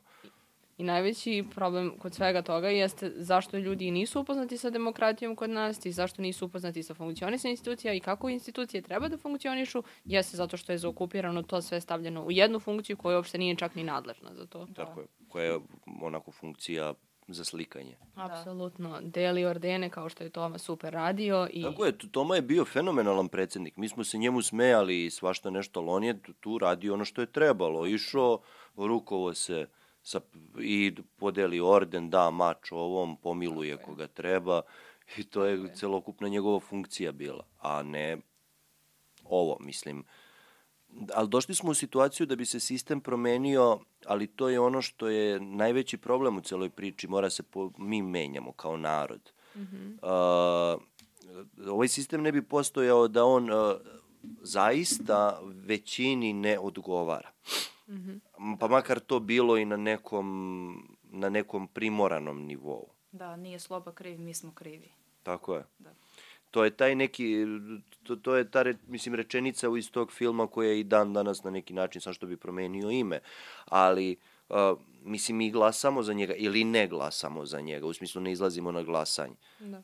Uh, ono što je promena, e, promena svesti jeste toga da ja želim da izađem iz svoje zone komfora, da želim da se odreknem toga, odnosno da ne želim da pristanem na to da radim na tom radnom mestu zato što će mi neko spre, srediti stranački ili me uslovljavati sa nekim, sa nečim, tipa, sad je ovaj Dule iz PCX-a objasnio na TikToku kako može da, ako su vas uslovili Da, da, to je dobro radio, videla sam. Da, pa su ga onda banovali valjda na tom, pa, su mu, pa mu je TikTok izbrisao jedan. Nisam videla to, nisam. Da, on je obja, objavio kao kako možete glasati ako, Mhm, da, a, da. ako morate da slikate, zaokružite, slikate i onda precrtate to, zaokružite koga treba i precrtate sve ostale. Ja mislim da to tako... Ali ne mora čak ni da precrta sve ostale, dovoljno je samo da precrta prvo bitno Da. i da zaokruži I to je važeći Da, da nama glas. bude jasno za koga on hteo da glasa i to je to, da. nema dvoumljenja. da mi, da mi kao posmatrači, pošto ćemo i tako da se aktiviramo, Da, hoćemo. ne bismo, ne bi, mo, bismo mogli da prijavimo ukoliko je ne, ne važeći uvažen kao važeći. Da, ja ću budem posmatrača, Milica će da mi bude pravna podrška. A gde, gde, gde ćete da budete? E, crta. Za crtu. da, crtu radu. Aha, za crtu. E, Šta je crta u suštini? Centar za transparentnost, odgovornost i demokratiju. Da. Tako. Aha. Da. Dobro. I čime se crta bavi? nisam, nisam sad kao ispred, nisam officially zaposlena, samo smo honorarno zaposlene, pa ne bih da ih predstavljam sad u nekom pretaranom smislu, ali jeste istraživanje javnog mnjenja, imaju i pravni tim koji se bavi e, svim da pronalaze kada se dešavaju neke neregularnosti, imaju i istinomer kao portal koji proverava fact checking i tako te sve stvari. Da. Tako da, da. Dobro. Ali nisam, nisam, nisam, nisam nadležna da predstavljam crtu. Da, isto. Dobro. Da. isto. A, a jel radite još neko jest, pošto s- se angažujete poprilično izvan fakulteta, gde vi vas dve još radite, pored toga što studirate? I eventualno, ne, ne pričamo o privatnim poslovima, nego o tim angažu, angažovanim stvarima. Mhm. Ok. Pa ja sam bila aktivna, mislim i dalje sam aktivna u fondaciji i sada pričat ću ajde o fondaciji malo. E, nisam planirala jer kao opet nisam ovde kao osoba koja radi nešto dobrovoljno za fondaciju i slično, ali e, u odboru sam u fondaciji Ana i Vlada Divac. Vlada Divac i uglavnom... Za grad Obrenovac. Za grad Obrenovac, da. I mi tu imamo recimo motivišemo mlade da šalju projekte u smislu kao šta bi promenjali u svom gradu. Mislim, to je Obrenovac i okolna sela i sad bitno je da ta grupa ima pet ljudi, da oni nama predstave neku svoju ideju šta bi uradili, da li bi sredili park i mi damo određena novčana sredstva za to i onda oni to radi i mi pratimo kako izgleda realizacija i slično, što je velika motivacija mladih ljudi da zapravo mogu da promene nešto u svom gradu. I mislim da iz tog razloga ta fondacija dobra, mada ima i mnogih drugih fondacija, gde vi recimo kao mlada osoba možete dodati sa svojom grupom prijatelja i da kažete e, mi hoćemo da promenimo nešto ispred zgrade ili da napravimo neki park za decu ili jednostavno da napravimo neku akademiju za nas. Recimo možemo napravimo akademiju, na primjer, za omladinsku politiku ili nešto što bi stvarno bilo korisno za mlade ili neke radionice i slično gde ćemo mi kao jedno nezavisno telo doneti odluku da li je to stvarno baš nužno potrebno ili recimo ima neko ko je potrebniji. Recimo neko hoće da radi učionicu, neko hoće da radi, e, da uzme još jedan tobogan iako imaju igrališta. Naravno da ćemo pre da finansiramo onda učionicu. Tako da je to dobra stvar jer vi kao mlada osoba e, steknete neko iskustvo da možete da procenite da li vas neko laže e, u smislu kao da li mu je to baš stvarno potrebno i da generalno smatrate e, da razmišljate svojom glavom da vidite kolika je vaša odgovornost u donošenju toga šta će se uraditi u vašoj sredini. Realno, tako da mislim da je to, da su generalno fondacije, ali recimo i KOMS kao krovna organizacija, vrlo, i oni sarađuju sa mnogim organizacijama, preko 100 organizacija. Znam da imaju saradnju, tako da može da se radi, mladi stvarno imaju nekog prostora gde mogu nešto da promene, gde mogu recimo držati tribine. Recimo mi smo imali u fondaciji isto radionicu gde smo razgovarali sa mladima gde su oni došli nam predstave njihove projekte pa smo spitali za mišljenje, što znači da vi, da vama dolaze ljudi koji imaju isto godina kao vi, možda su čak i stariji, ali vas opet pitaju za mišljenje, nešto tako da morate da imate i da steknete neko iskustvo i slično, tako da mislim da je, da, su, da je rad u tim organizacijama za mlade e, vrlo, do, vrlo dobra stvar za vas kao osobu, a i kasnije za neke poslove i slično. Dobro. Bravo. Super si to predstavio. Svaka čast. Uh, ja, uh, Centar E8 isto je jedno omladinsko udruženje i sad trenutno ima jedan projekat kao Ide glas, ovo je treća iteracija projekta, ide se od vrata do vrata i građani se pitaju koji su njihovi lokalni problemi i onda se radi tako mapiranje problema na različitim... Ja mislim da znam za tu Da, organizaciju. da, da, jeste. Eto, vidiš. A, A? dobro radimo. Da, pa, pa mislim da sam bio, da, da, da mi je kucala na vrata, ja mislim. Moguće, da, da, da. I onda, pošto gledamo za manje više e, po cijeloj Srbiji su po, po raspoređeni aktivisti i onda se mapira koji je konkretno najveći problem u određenoj opštini i onda se, da li se skupljaju potpisi ili se odmah pita opština da li želi na sastanak i to sve da im se predloži ideja ili šta sve. To može biti ono od banalnih stvari, da li kontejner vamo, ne znam, svetlo ovde, jer jednostavno opštinari ne, ne vide sebe kao nadležne da malo provere šta im se dešava u kraju za koji oni jesu nadležni. A i pored toga, e, šta još radim? Dobro, smo rekli. A u, što se tiče, u OEPS-u ima jedan projekat kao Dialog Akademija za mlade žene između uh, devojaka iz Beograda i devojaka iz Prištine i onda u okviru toga onda imamo jednu kao alumni mrežu i tu sad pišemo projekte kako treba raditi na toj kulturi dijaloga o kojoj toliko pričamo. Mhm. Tako da da, svašta nešto. Ima posla ko hoće da radi, ali nema mnogo para u omladinskom organizovanju. Pa dobro, da, to, to vam je na neki način zanimljivo iskustvo Da. kada dođete kasnije u situaciju, ajde da kažemo, završite fakultet, mada ti taj fakultet treba završiti i živeti na parizeru i na majonezu, ako može i to da se priušti dok se studira. Da, A, Da. nije baš, nije baš tanko nekako. da. Teško se sve ovo stiže, iskreno. Mislim, ja radim i full time job, pored e, svih ovih mojih aktivnosti koje volim. Njih radim opet besplatno, kao što smo rekli, a pored toga nije sad kao ajde usta moja hvalite, ali pored toga uspemo da budemo i aktivni na fakultetu. egzi- Tako da, e, tako da, e, tako da smo Milica i ja napravile organizaciju našu na fakultetu, tako da bi... Kako se zove, slobodno? Evo, može. Milica, pošto ona predsjednica. I'm sorry. E, da, ovo će, ovo će još i da izađe u novoj godini, tako da će biti officially. Da, e, Demokratska organizacija studenta Fakulteta političkih nauka. Opa. Skraćenica DEMOS.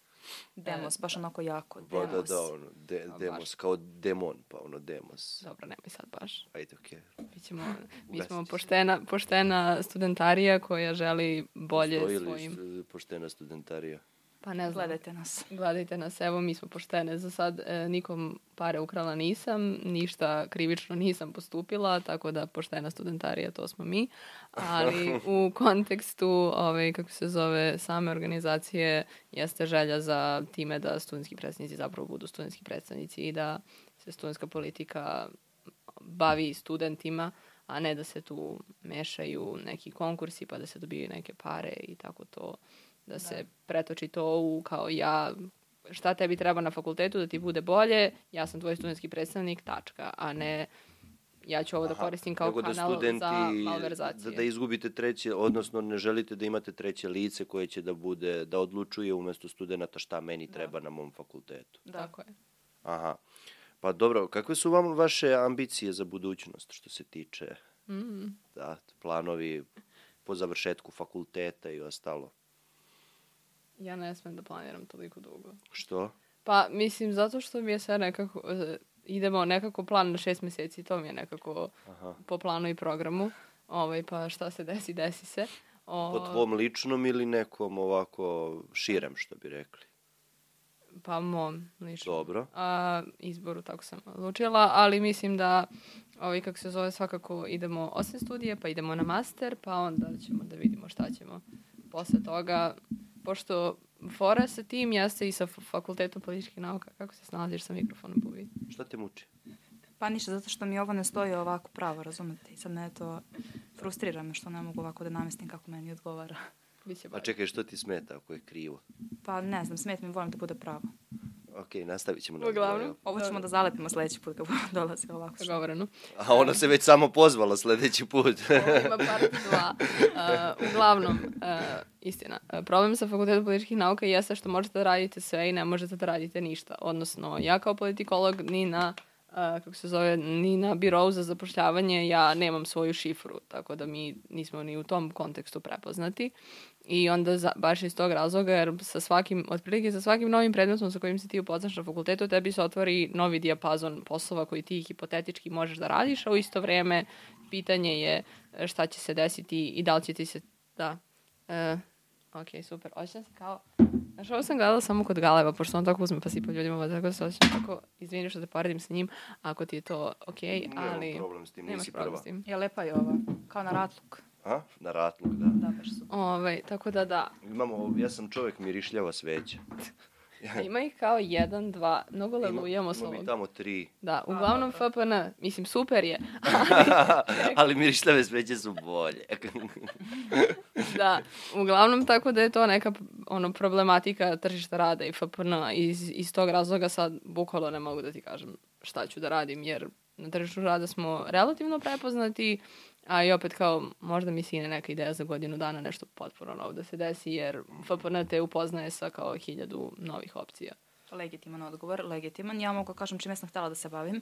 Ja sam, e, Ispravljanjem kablova na mikrofon. Da, i pravljenjem sveća, to sam, to je zapravo bila ova poruka. Šalim se, ovaj, dobro, nije loše ni praviti sveće, imaš hilja, onda ih imaš mnogo, ne možeš da ih kupuješ. Uglavnom, e, što sam htjela da kažem, ja kad sam upisivala faks, em, imala sam neku viziju toga da ću ja bit, da ću ja imati svoju emisiju ili sa bar ili bar biti deo takve emisije kao što sasvim prirodno. Znači meni se sviđa to kao ta neka kultura, idemo malo da vidimo kako ljudi žive, da predstavimo neku njihovu tradiciju, neke njihove vrednosti i slično, kao da nas stvarno zanima šta kako oni žive, šta je njihova tradicija i slično. A sad nekako već na trećoj godini fakulteta nije mi to toliko neka želja. Zato što um, ok, mi imamo dosta tih kulturnih emisija gde ljudi mogu to da vide, a sad imamo mnogo veći problem gde ljudi zapravo ne vide šta se dešava u državi.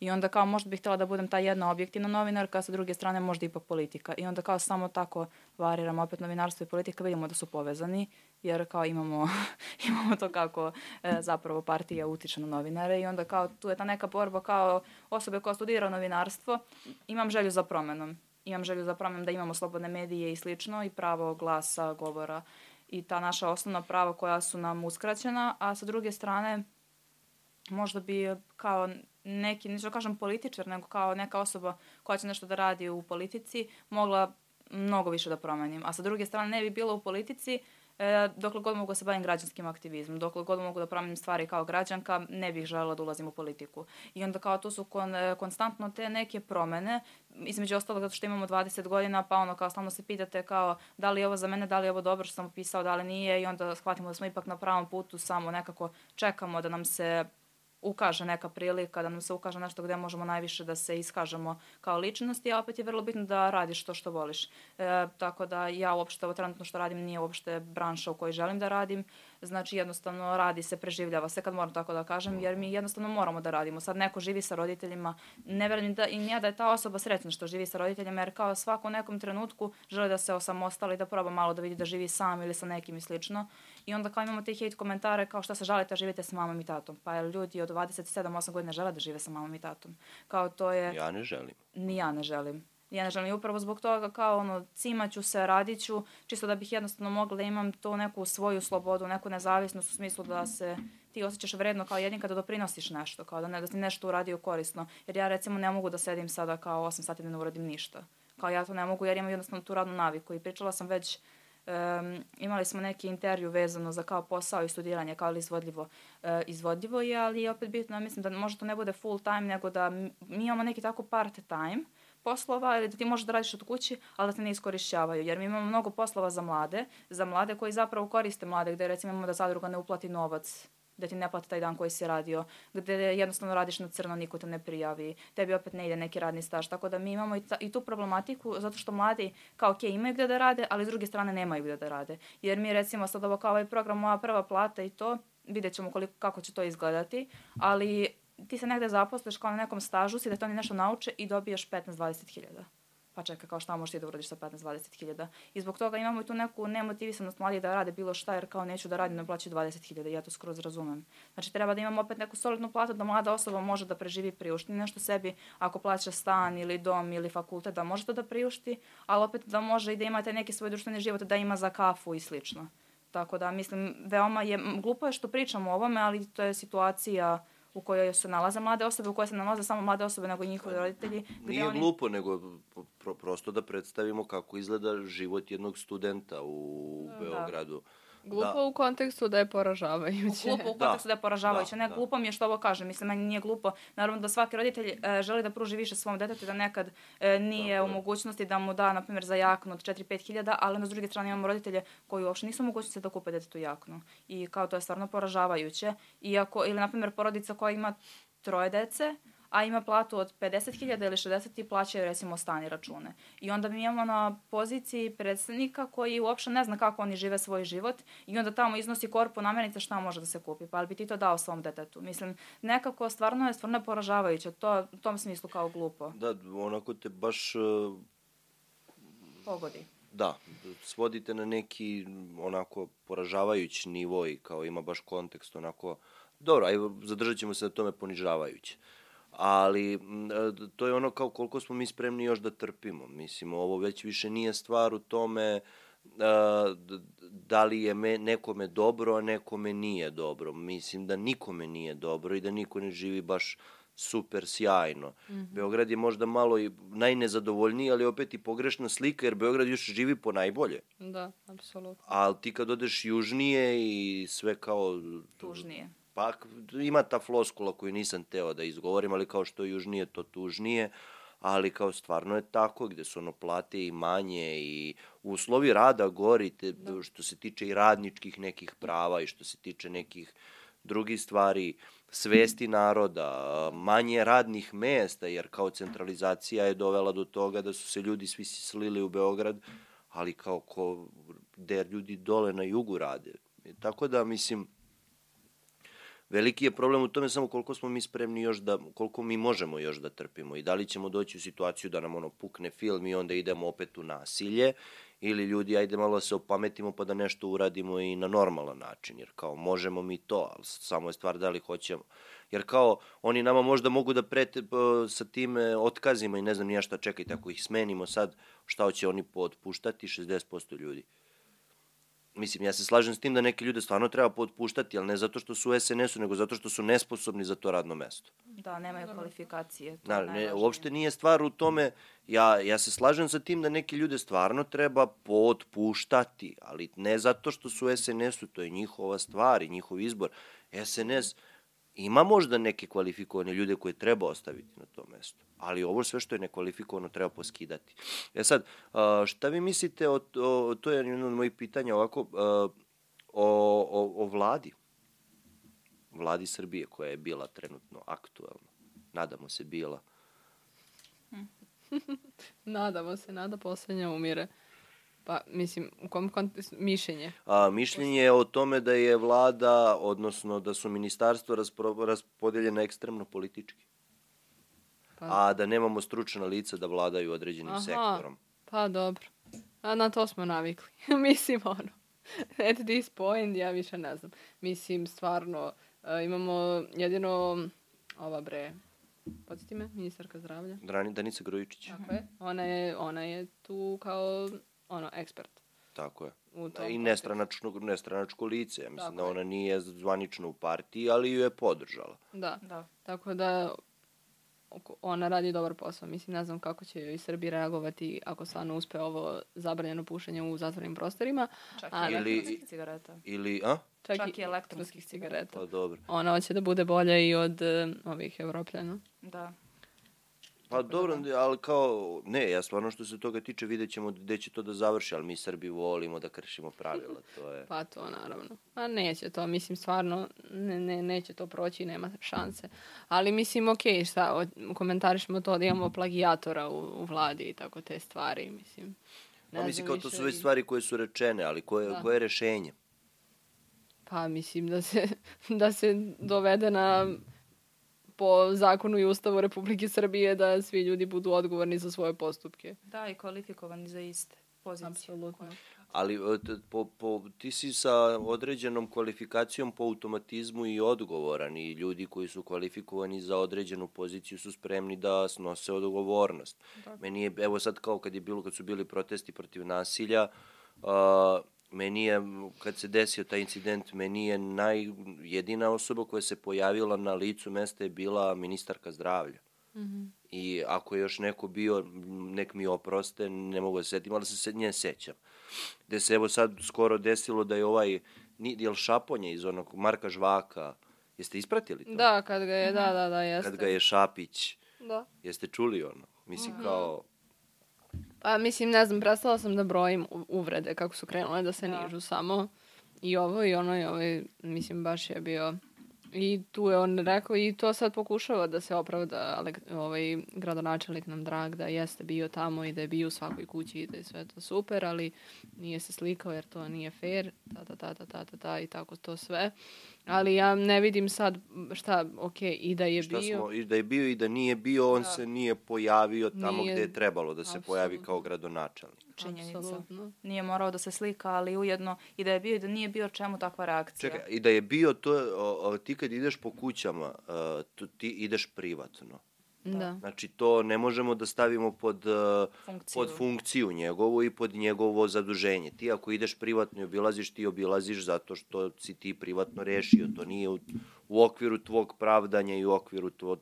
Znači, ti si trebao sam se pojaviš tamo gde je trebalo da se pojaviš i to je tvoj posao. Apsolutno. Tvoj, I da, tvoj posao jeste da se pojaviš i da budeš slikan tu gde je, jesi. Da. Mislim, izvini, ali što si izabrao da budeš gradonačelnik. Da, I nadamo se da neće više biti. za njega je sport. Za njega je sport. Da, ima to, da, to smo komentarisali, komentarisali tu pojavu sportista u politici, U jako je politici, interesantno. Da. Pa, Ne znam. Šta ne znam, ne znam da li je to situacija, nismo dovoljno para zaradili u sportu, pa možda je, je Biga Šapić jedan od naših najuspešnijih vaterpolista, ne znam. Definitivno, ali mislim da se tu opet vraćamo na to da je bitno biti javna ličnost i da je bitno biti pre, pre, prepoznatljivo u masi, a da nije toliko bitno biti zapravo ekspert za određenu, obavljanje određene funkcije. Kao friendly Jer, face. Da, ono kao, da. važno je imati dobar marketing, a šta, da. da li prodajem smeće ili ne, važno je da ja umem da ga prodam. Da. da, pa on je jedno vreme pričao baš kao kako se e, partija SNS izražava, kako se izražavaju ti funkcioneri kad govore lopov e, i razne uvrede, majmun i slično. I onda dolazimo u situaciju evo nas u 2023. godini gde on isto tako priča, samo možda još i gore, jer on, ja ne znam, ono za minut dva, za dva minut dva on izgovori uvreda koliko ja ne znam da nabrojim uopšte. Da. Bukvalno, znači to je ali baš to je, za njegovu Ali funkciju. to je bilo ono, znači, uh, čovek mu je postavio kratko i koncizno pitanje i da. odgovor je mogao da bude poprilično jednostavan, bez bilo kakve potrebe za da, vređanjem. Da. da kaže, bio sam kućama, tačka. Da, da. Ili nisam bio, tačka. Da. Ali ta potreba za vređanjem, to je meni fascinantno, ta diskredit, e, to, to diskreditovanje novinarske funkcije od, i od predsednika Srbije, koji direktno na konferencijama vređa određene novinare da. i ono kao vi iz N1 ili sa Nove, Nove S, da. Žaklina Tatalović i ostali vi mene.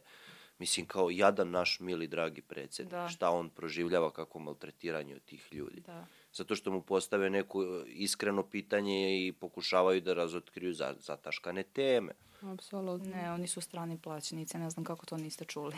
da, i kao da. U, za vreme Šolaka, valjda su, jel, su, jel on to komentarišu kao Šolakove... Da, da, da, da, strani plaćenici, ne znam koje im je uvrede sve naneo, samo zbog toga što radi svoj posao kako treba. Ono... Mislim, ja koliko znam, Šolak se nikad nije bavio direktno politikom. On je bil biznismen čovek, ali... Da čovjek zna, zarađuje pare i za, ono, to je pravo svakog građanina Republike Srbije, koliko Tako sam ja čula. Pa kao što je ono re, lepo rekao Dragan Milogrlić, mislim kao oni su došli do tog nivoa do čoveka koji da, koji podržava neku in, inicijativu koja je protiv vlasti na direktan način, da. A, da su oni uzeli, uradili jednu najnepristojniju stvar, a to je ulazili mu u novčanik. Da, da, da. Znaš, i kao sad ti si zaradio preko nas, sram te bilo, tolike i tolike pare. Zašto? Zato što je radio, sarađivo sa Željkom Joksimovićem na filmu Toma, a Toma je, a Željko Mitrović je jedan, bože Željko Mitrović, Željko Joksimović je, uh, sarađuje sa Telekomom i on je po automatizmu Tomu sre, snimao za Telekom. Da, da. A onda je odjednom radio film sa ovo kako se zove Novo Mesi i tako dalje. Ali kao on je čovek sam zaradio te pare. Ne možeš da osporiš kvalitet tih filmova. Ti filmovi zaista postoje i emituju se. Da. I, koja je, I to što je on zaradio svoje pare ne mora znači da je on zadovoljan u kojoj zemlji on živi. Da, jednostavno to je njegov posao. Mislim, on je glumac, to je kultura, jednostavno ja ne vidim ništa loše u tome što on zaradio taj novac i što on ima taj novac. Znači on je to zaradio, njemu to niko nije poklonio. Tako je. Mislim, on nije krao od ljudi taj novac. Tako je. Tako da u svakom slučaju ne vidim šta je loše da on iznese neko svoje mišljenje i da on kao, da kažem, jedan, jedan jedna kultura i tako jedan glumac kojeg mi gledamo već dugo godina na našoj sceni iznese svoje mišljenje ili bilo ko od tih glumaca koji je izneo ili profesor i slično, pa to su zapravo ljudi konkretno, ti akademski građani, profesori i slično, to su zapravo ljudi koji bi trebalo da budu na nekim funkcijama u ovoj državi. Zašto je loše da čujemo njihovo mišljenje? Zato što da. ga se plaše. Mislim, oni su se nečega, to što bi Jelogrlić rekao, oni su se nečega konkretno u ovoj inicijativi uplašili. Ja ne znam tačno čega, ali nečega su se uplašili. Mislim, mi vidimo da se oni plaše s obzirom da pokušavaju da, sab da sabotiraju sve što konkretno i mi kao studenti uradimo. Tako da... A zbog čega su, spominjali smo to, zbog čega su ti protesti na kraju uh, se ugasili, pa ćemo da pričamo o tim nekim i sabotažama države na, u tom aktivističkom poslu. Pa, uh... ne, protesti se generalno nisu ugasili zbog sabotaže države, nego da. zbog sabotaže, zbog nedostatka ideje koja bi trebala da, sta, da se nastavi u tim protestima. Pa, uh... Ti zabola slušalica? Nije, nije. Nego samo gledam kako to čujem sa i bez. I u čemu je razlika? Pa nema razlike. ok, možemo nastaviti. Da. Uh, ovaj... A, bolje je ovako, bolje je ovako. A šta bolje zvučim preko slušalice? Da. Zašto? Ovako si glasniji mnogo. Kad, bez slušalice. Bez slušalica, da. Paradoksalno skroz. Pa, Kao zapravo nije istina. Dobro, nećemo sad o te tehnici. Da. Um, šta, je bilo? šta je bilo pitanje? Aha, zašto su propasti, Da. e, protesti i propasti? Protesti i propasti. Um, ok, e, uglavnom problem jeste bio to, kao prvo ne možeš ti da organizuješ protest jednom nedeljno. Izvini. Sve ok. Znači, ti kad pričaš, mikrofon je super. Ja kad krenem da pričam, onda odjednom Ali vi mikrofon ovo čujete? nakrivo. Da, Da. Jo, izvinite. Ok. Ma, lagano. A kad pijem kafu isto? Ne, Ne, samo ovo zato što je... Samo ovo zato što viš. Jel, Aha, Jel kupi kapiram, zvuk? kapiram, ali, evo, kapiram. čekaj, sad ću ti pokažem nešto. Slušaj sad ovo.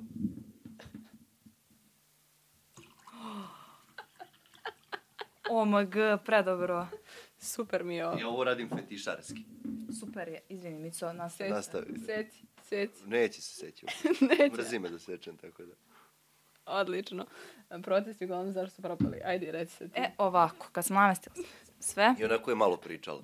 da, prvo sam malo pričala, e, pa po mom skromnom mišljenju zašto su protesti propali, pa to je malo zato što smo imali iste stvari, malo neoriginalne ideje, malo iste rute, malo dosadnu muziku, malo Neoriginalnu muziku. da nismo imali neku reakciju koju smo očekivali, ništa se nije menjalo i ljudi su se toga, ono, umorili su se od toga i kao mislim da sve manje ljudi krenuo da izlazi na ulice i nekako su protesti bili zakazivani sve kasnije. I po meni je to greška jer ja sam smatrala da protest treba neki se održi ne vikendom nego u petak u 12 sati kao ajde da izazovemo neku reakciju jer kao subotom u 6 ili 7 uveče kao ok, većina ljudi je kod kuće odmarila, ne izlazi iz stanova, kao neće ih to pogoditi, ali ovako, ajde da ono, udarimo u centar u ponedeljak u 12 da blokiramo. Kada sam imate neke svoje ideje možda koje su trebale... Ali nije naša ingerencija bila i onda. Da, da, mi smo svakako imali ideje različite, ali nismo ga mi organizovali, nije bio naš, tako da ne mora da znači da neće biti nekad. Ali... O, ambiciozno. ali ovaj, eto, mislim da zbog toga i mladi su jednostavno izgubili, izgubili su neku nadu kao zašto izlaze. A Ne verujem da su izgubili uverenja, nego samo izgubili su veru u promenu. Jer kao kad nas je 50.000, mi mislimo da nešto može da se promeni. Kad izađe nas mnogo manje na ulicu, onda možda malo Onda izgubimo veru u to. Dobro. Pa da, mislim u tom kontekstu da je velika, velika greška to, ta održavanje tih dana samo isključivo na suboti, jer kao ako se ne dešava promena, onda učestališ protest, jer kao jer nema tu ništa, šta jednom u nedelju dana, to, to je i bila floskula, jednom u nedelju dana oni izađu na tri sata, baš me briga, nikom ništa. Ali to ti je kao što, evo, kvalitetan protest je ovo što rade poljoprivrednici. Da. a, gde oni zatvore ulicu i nema ceo dan. I mene ne zanima. I oni to rade uzastopno dan za danom. Da. I oni su uspeli da izazovu reakciju. To je smetali su im i Tako oni je. su ih zatvorili. Tako je. Jer nisu umeli drugačije, razumeš, umesto da reše problem. I to je sad po, napravljen haos oko svega toga. I gde su onda poljoprivrednici još dodatno rešili da im stanu na žulj. I svaka im čast na tome, oni su to isterali na pravi način. E, to je kvalitetan prost, protest. Da. Ali za to ti moraš da žrtvuješ neke stvari i da kažeš, e, ja danas neću da, od, da idem na posao. Da. Neću, neću zato što meni ne odgovara da radim u ovakvoj državi i da stane celokupna proizvodnja i celokupna država to te lupom srede u 12 sati popodne. I svake srede će u 12 sati popodne da staje zemlja. I Da. neće ništa da se dešava. Apsolutno. Jer, ne, mislim, ima, bilo je tu kao decentralizacija protesta, pa idemo ovaj grad, onaj grad i tako sve te razne neke ideje su se realizovale, ali i dalje nije, ti, vi ako, ako mo, Ali to pokrenete je u sve na, drugom... na da, inicijativi pojedinca. da, i, 50.000 za grad koji ima 2,5 miliona stanovnika su stvarno svodi na pojedinca. Apsolutno. I ako samo decentralizujete u tom nekom, u smislu neke tehničke podrške i kao to je to. I, ok, bit će protest u, u, ne znam, Kraljevu i to je to. Ali bez ikakve kao ideje, ok, imamo, imamo te neke zahteve protesta i na tome se staje. I kao to je to, mi smo svoje rekli, sad vi ljudi idite šetajte. I kao, ok, šta je tačna poruka, Tako je. Mislim, mi smo bili ti koji smo pravili neke akcije na ulici, pa pravimo svoje transparentne, pa ovo, pa ono, jer mora jednostavno, ako već hoćeš da održiš nešto, mora biti inovativnije, inovativnije, izazovnije, izazovnije, da bi izazvalo neku reakciju, jer monotonije ne izaziva reakciju, jednostavno ne funkcioniše tako. Ja kad bi kucala svaki dan nekom na vrata, da li će mi otvoriti 50. put, mislim, Ignorisat ćete. ignorisat će me. Znači, u suštini ono što jeste, ako ne ide, promeni način, nemoj da odustaješ, nego, Tako. ali iza tog protesta onda neko mora da stane. Da. A da li onda to po automatizmu postaje politički protest? Mislim, politički stranački protest, odnosno protest te stranke. Pa, On će da se učita kao takav, Da. ali nije takav. jer ljudi koji dolaze na taj protest nisu stranački Tako je. Da. Već To je, to je ono što narodu treba u suštini da se objasni. To što o, je došla jedna stranačka osoba i podržala protest da bi možda pokupila političke poene ili možda zato što stvarno svojim uverenjem stoji za Da. toga, ne znači da je i taj protest prosto, postao stranački protest, jer je neko došao i stao iza ideje, ne iza stranke. Jer vama je neophodno obezbeđenje, vama je neophodno, neophodna je bina ako želite da imate neke govornike i razne neke tehničke stvari su neophodne. I sad, da li bi građani svake nedelje pokretali ono kao, ne znam, GoFundMe, da se skupe pare za to? Verovatno ne. Onda ako bi bila ako ne bi bila politička partija, već ako bi bilo, ne znam, ako bi bila neka grupa građana koja bi raspisala, ono, prijavila se na neki konkurs za neki projekat ili ne znam, ono kao ako bi bilo finansirano od neke nevladine organizacije, opet bi bilo to njihovo i tako sve i uvek bi se ljudi hvatali za to ko finansira. I okej da se hvataju za to ko finansira, ali to je samo tehnika. Znači mora se razume iz, razlika između tehnike i ljudi koji dolaze na protest. Da. Jer kao ni naše, ni, ni naša uža šira familija, naši poznanici, ni mi sami nismo članovi partije. Samim tim to nije stranački protest. Tako je. A na koji način ono se država trudi da, da onako malo, da ne kažem država, nego vladajuća stranka da vas malo, da sabotira određene stvari? Da li, da li se to dešavalo vama? Pa, men, men, meni pored tih hate komentara lično nije u nekom kontekstu sabotaže na pravi način da sad kao u nekim Kao što su recimo pokušali da sabotiraju ove proteste sa time što su poslali ljude da zatvore da zatvore ove poljoprivrednike Da, u da, da. svoje domaćinstvo, da ne mogu da izađu iz svojih dvorišta. Tako je, da. No, u tom kontekstu sabotaže nije bilo, mislim, za, za, Toga ni, da. za proteste, ovaj, ok, ljudi su bili zaplašivani da ne smeju da idu i to sve da će biti viđeni u tom nekom kontekstu. I da znaš, oni- kao- Da svi biti- slikaju, da, Da, da, se da. sve zna ko je bio na protestu i tako dalje. Pa dobro. Vi ste i otišli da se sve zna. Da. Pa da. Ali to samo neki strah, ali ne konkretno, ne konkretno nas, nego to je taj neki sveopšti sta, strah koji je kako i u Beogradu prisutan, tako i u celoj Srbiji, da se iskaže nešto. Pa i da, da li bi ovo moglo jednostavno se nazove neko vrstom strahovlade? Da. Da. Imali smo čak i ovaj, transparente dok živimo u strahu vladi stradaju mladi. Je li to bio tvoj ili ne? Nije bio moj. Da, nečiji je bio i baš je bio super. I Ja to što sam- Milica kaže, Ja sam, moj je bio EKV, ovo je zemlja za svu našu decu. da. Mhm. I uglavnom htela sam da kažem to što je Milica rekla za inovativnost i te nove ideje. Recimo imamo da kad dođemo s novim transparentima ljudi reaguju tako što odmah slikaju te transparente i odmah vide kao, vide neku promenu da smo se mi potrudili da nešto uradimo. E, upravo nam je to falilo, to što je Milica rekla. Mislim, ne možemo za svaki protest imati jedan novi transparent i da to bude to. Kao treba mnogo više. Pritom mi smo imali te naše akcije koje su realno, da kažem, super prošle i među nama i kao reakcije javnosti mislim prave reakcije javnosti, zato što imali smo nekoliko akcija, imali smo letovanje ispred Skupštine, imali smo akciju ispred vlade šta ste uradili da se ne ponovi, ciljajući na ono što se desilo u Ribnikaru. Imali smo skoro akciju ispred Ministarstva financija povodom ovih hiljadu dinara, tako da mm, mladi su kreativni, dalje imaju ideja i generalno nama država daje, sama nam daje povod da imamo neku akciju. Samim tim što nam vređa inteligenciju, tako da dok neko ne izađe i ne kaže svoje mišljenje, ništa se neće promeniti. Ma najveći problem što nema prostora i nema gde. Mislim da se imaš ti prostora u nekim alternativnijim, na nekim alternativnije metode, Da. ali šta je ono u suštini a, sloboda govora medijskog? Da se desi određeni događaj i da ti dođeš i pitaš vladajuću stranku šta oni misle o tome, a onda dođeš i pitaš opoziciju šta ona misli o tome. I da će svako od njih da ima podjednako prostora na mediji, u medijima. A to se ne dešava. Da. Dešava se to da naš predsednik uh, nije imao uh, duel, TV duel, politički duel, ne znam koliko dugo. Pa to sam, to je ono što sam ti spomenula, kao sedne samo studio i onda mu prikažu isečke i onda Da. se on to su neki hi, hibridni dueli koje on ima Da. i na, na taj način, ali konkretan duel, kad je ono beše bilo da je bilo utisak nedelje, kad je bio kod Olje, ali ne mogu se tim kad je to bilo. Pa to je bilo odavno. Ovo, to je bilo dok je ona još bila na B92. ja mislim. Da, da, da, da. Da. da. I imao je u hit tweetu skoro jednog čoveka koji ga je nazvao o, mislim da koji je rekao da je, da je on, ma da, neću sad da spominjem šta mu je rekao, ali mislim da on predaje i na političkim naukama. Ja, jeste. Jeste, jeste, jeste. Samo setim ko je bio. Bajram. Ne znam, ne mogu se setim. Ne mogu se setim, ali gledala sam. Da. Gledala sam. Dobro. A, koja bi u suštini vama bila poruka mladima ovako za kraj da kažemo šta bi, kako, kako mladi najbolje da se angažuju?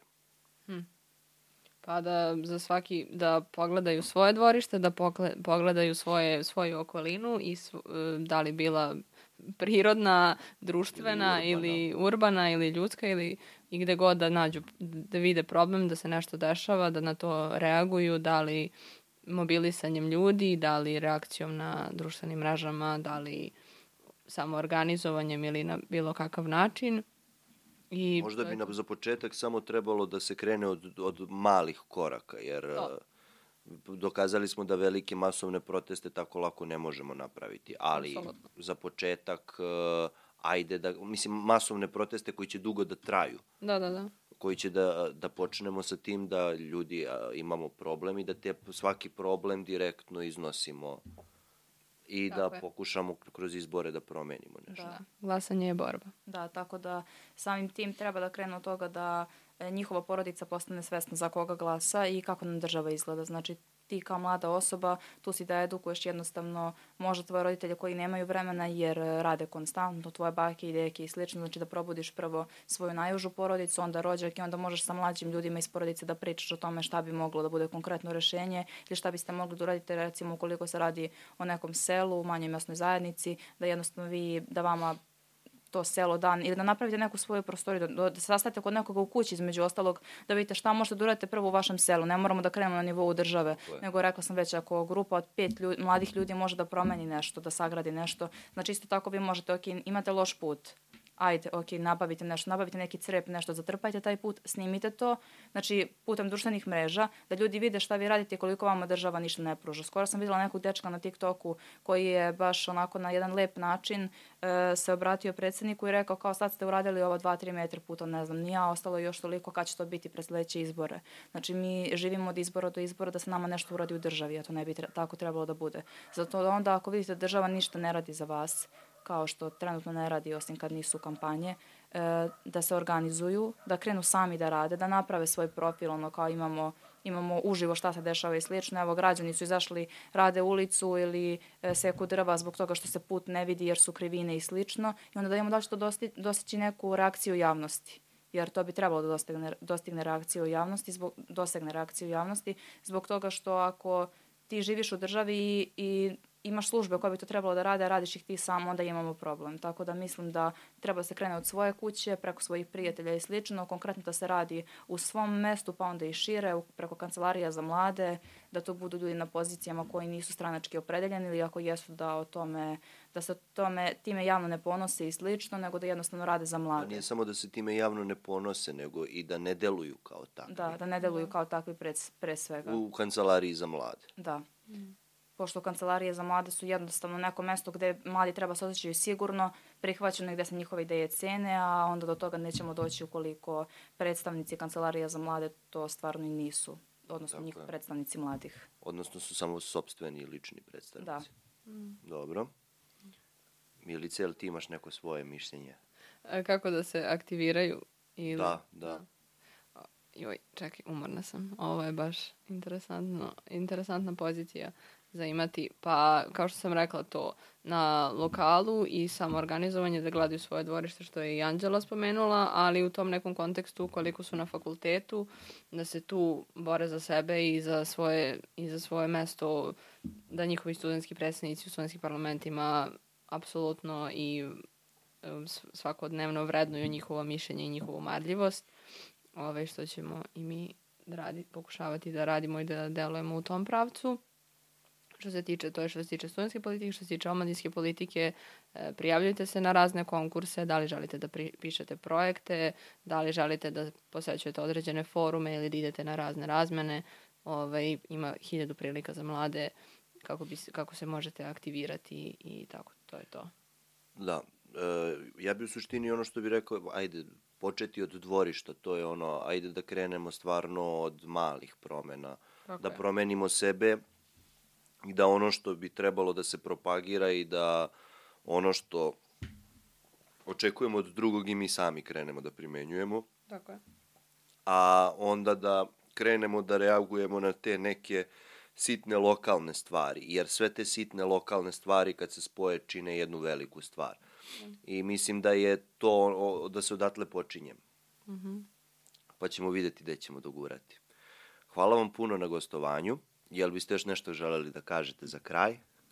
E, Hvala na pozivu. Glasanje je borba, ali mi ćemo već u ovom trenutku znati rezultate izbora. Da. Tako je, tako da hvala na pozivu svakako. Ništa, mi se super. vidimo. Hvala vama što ste gostovali. Nadam se da smo uspeli malo da približimo sve ovo. Pa sad, ko shvati, shvatio je, ko ne shvati, shvatit će i to je to. To je to. Tako je. Vidimo se. Ćao. E, Ciao. Hop.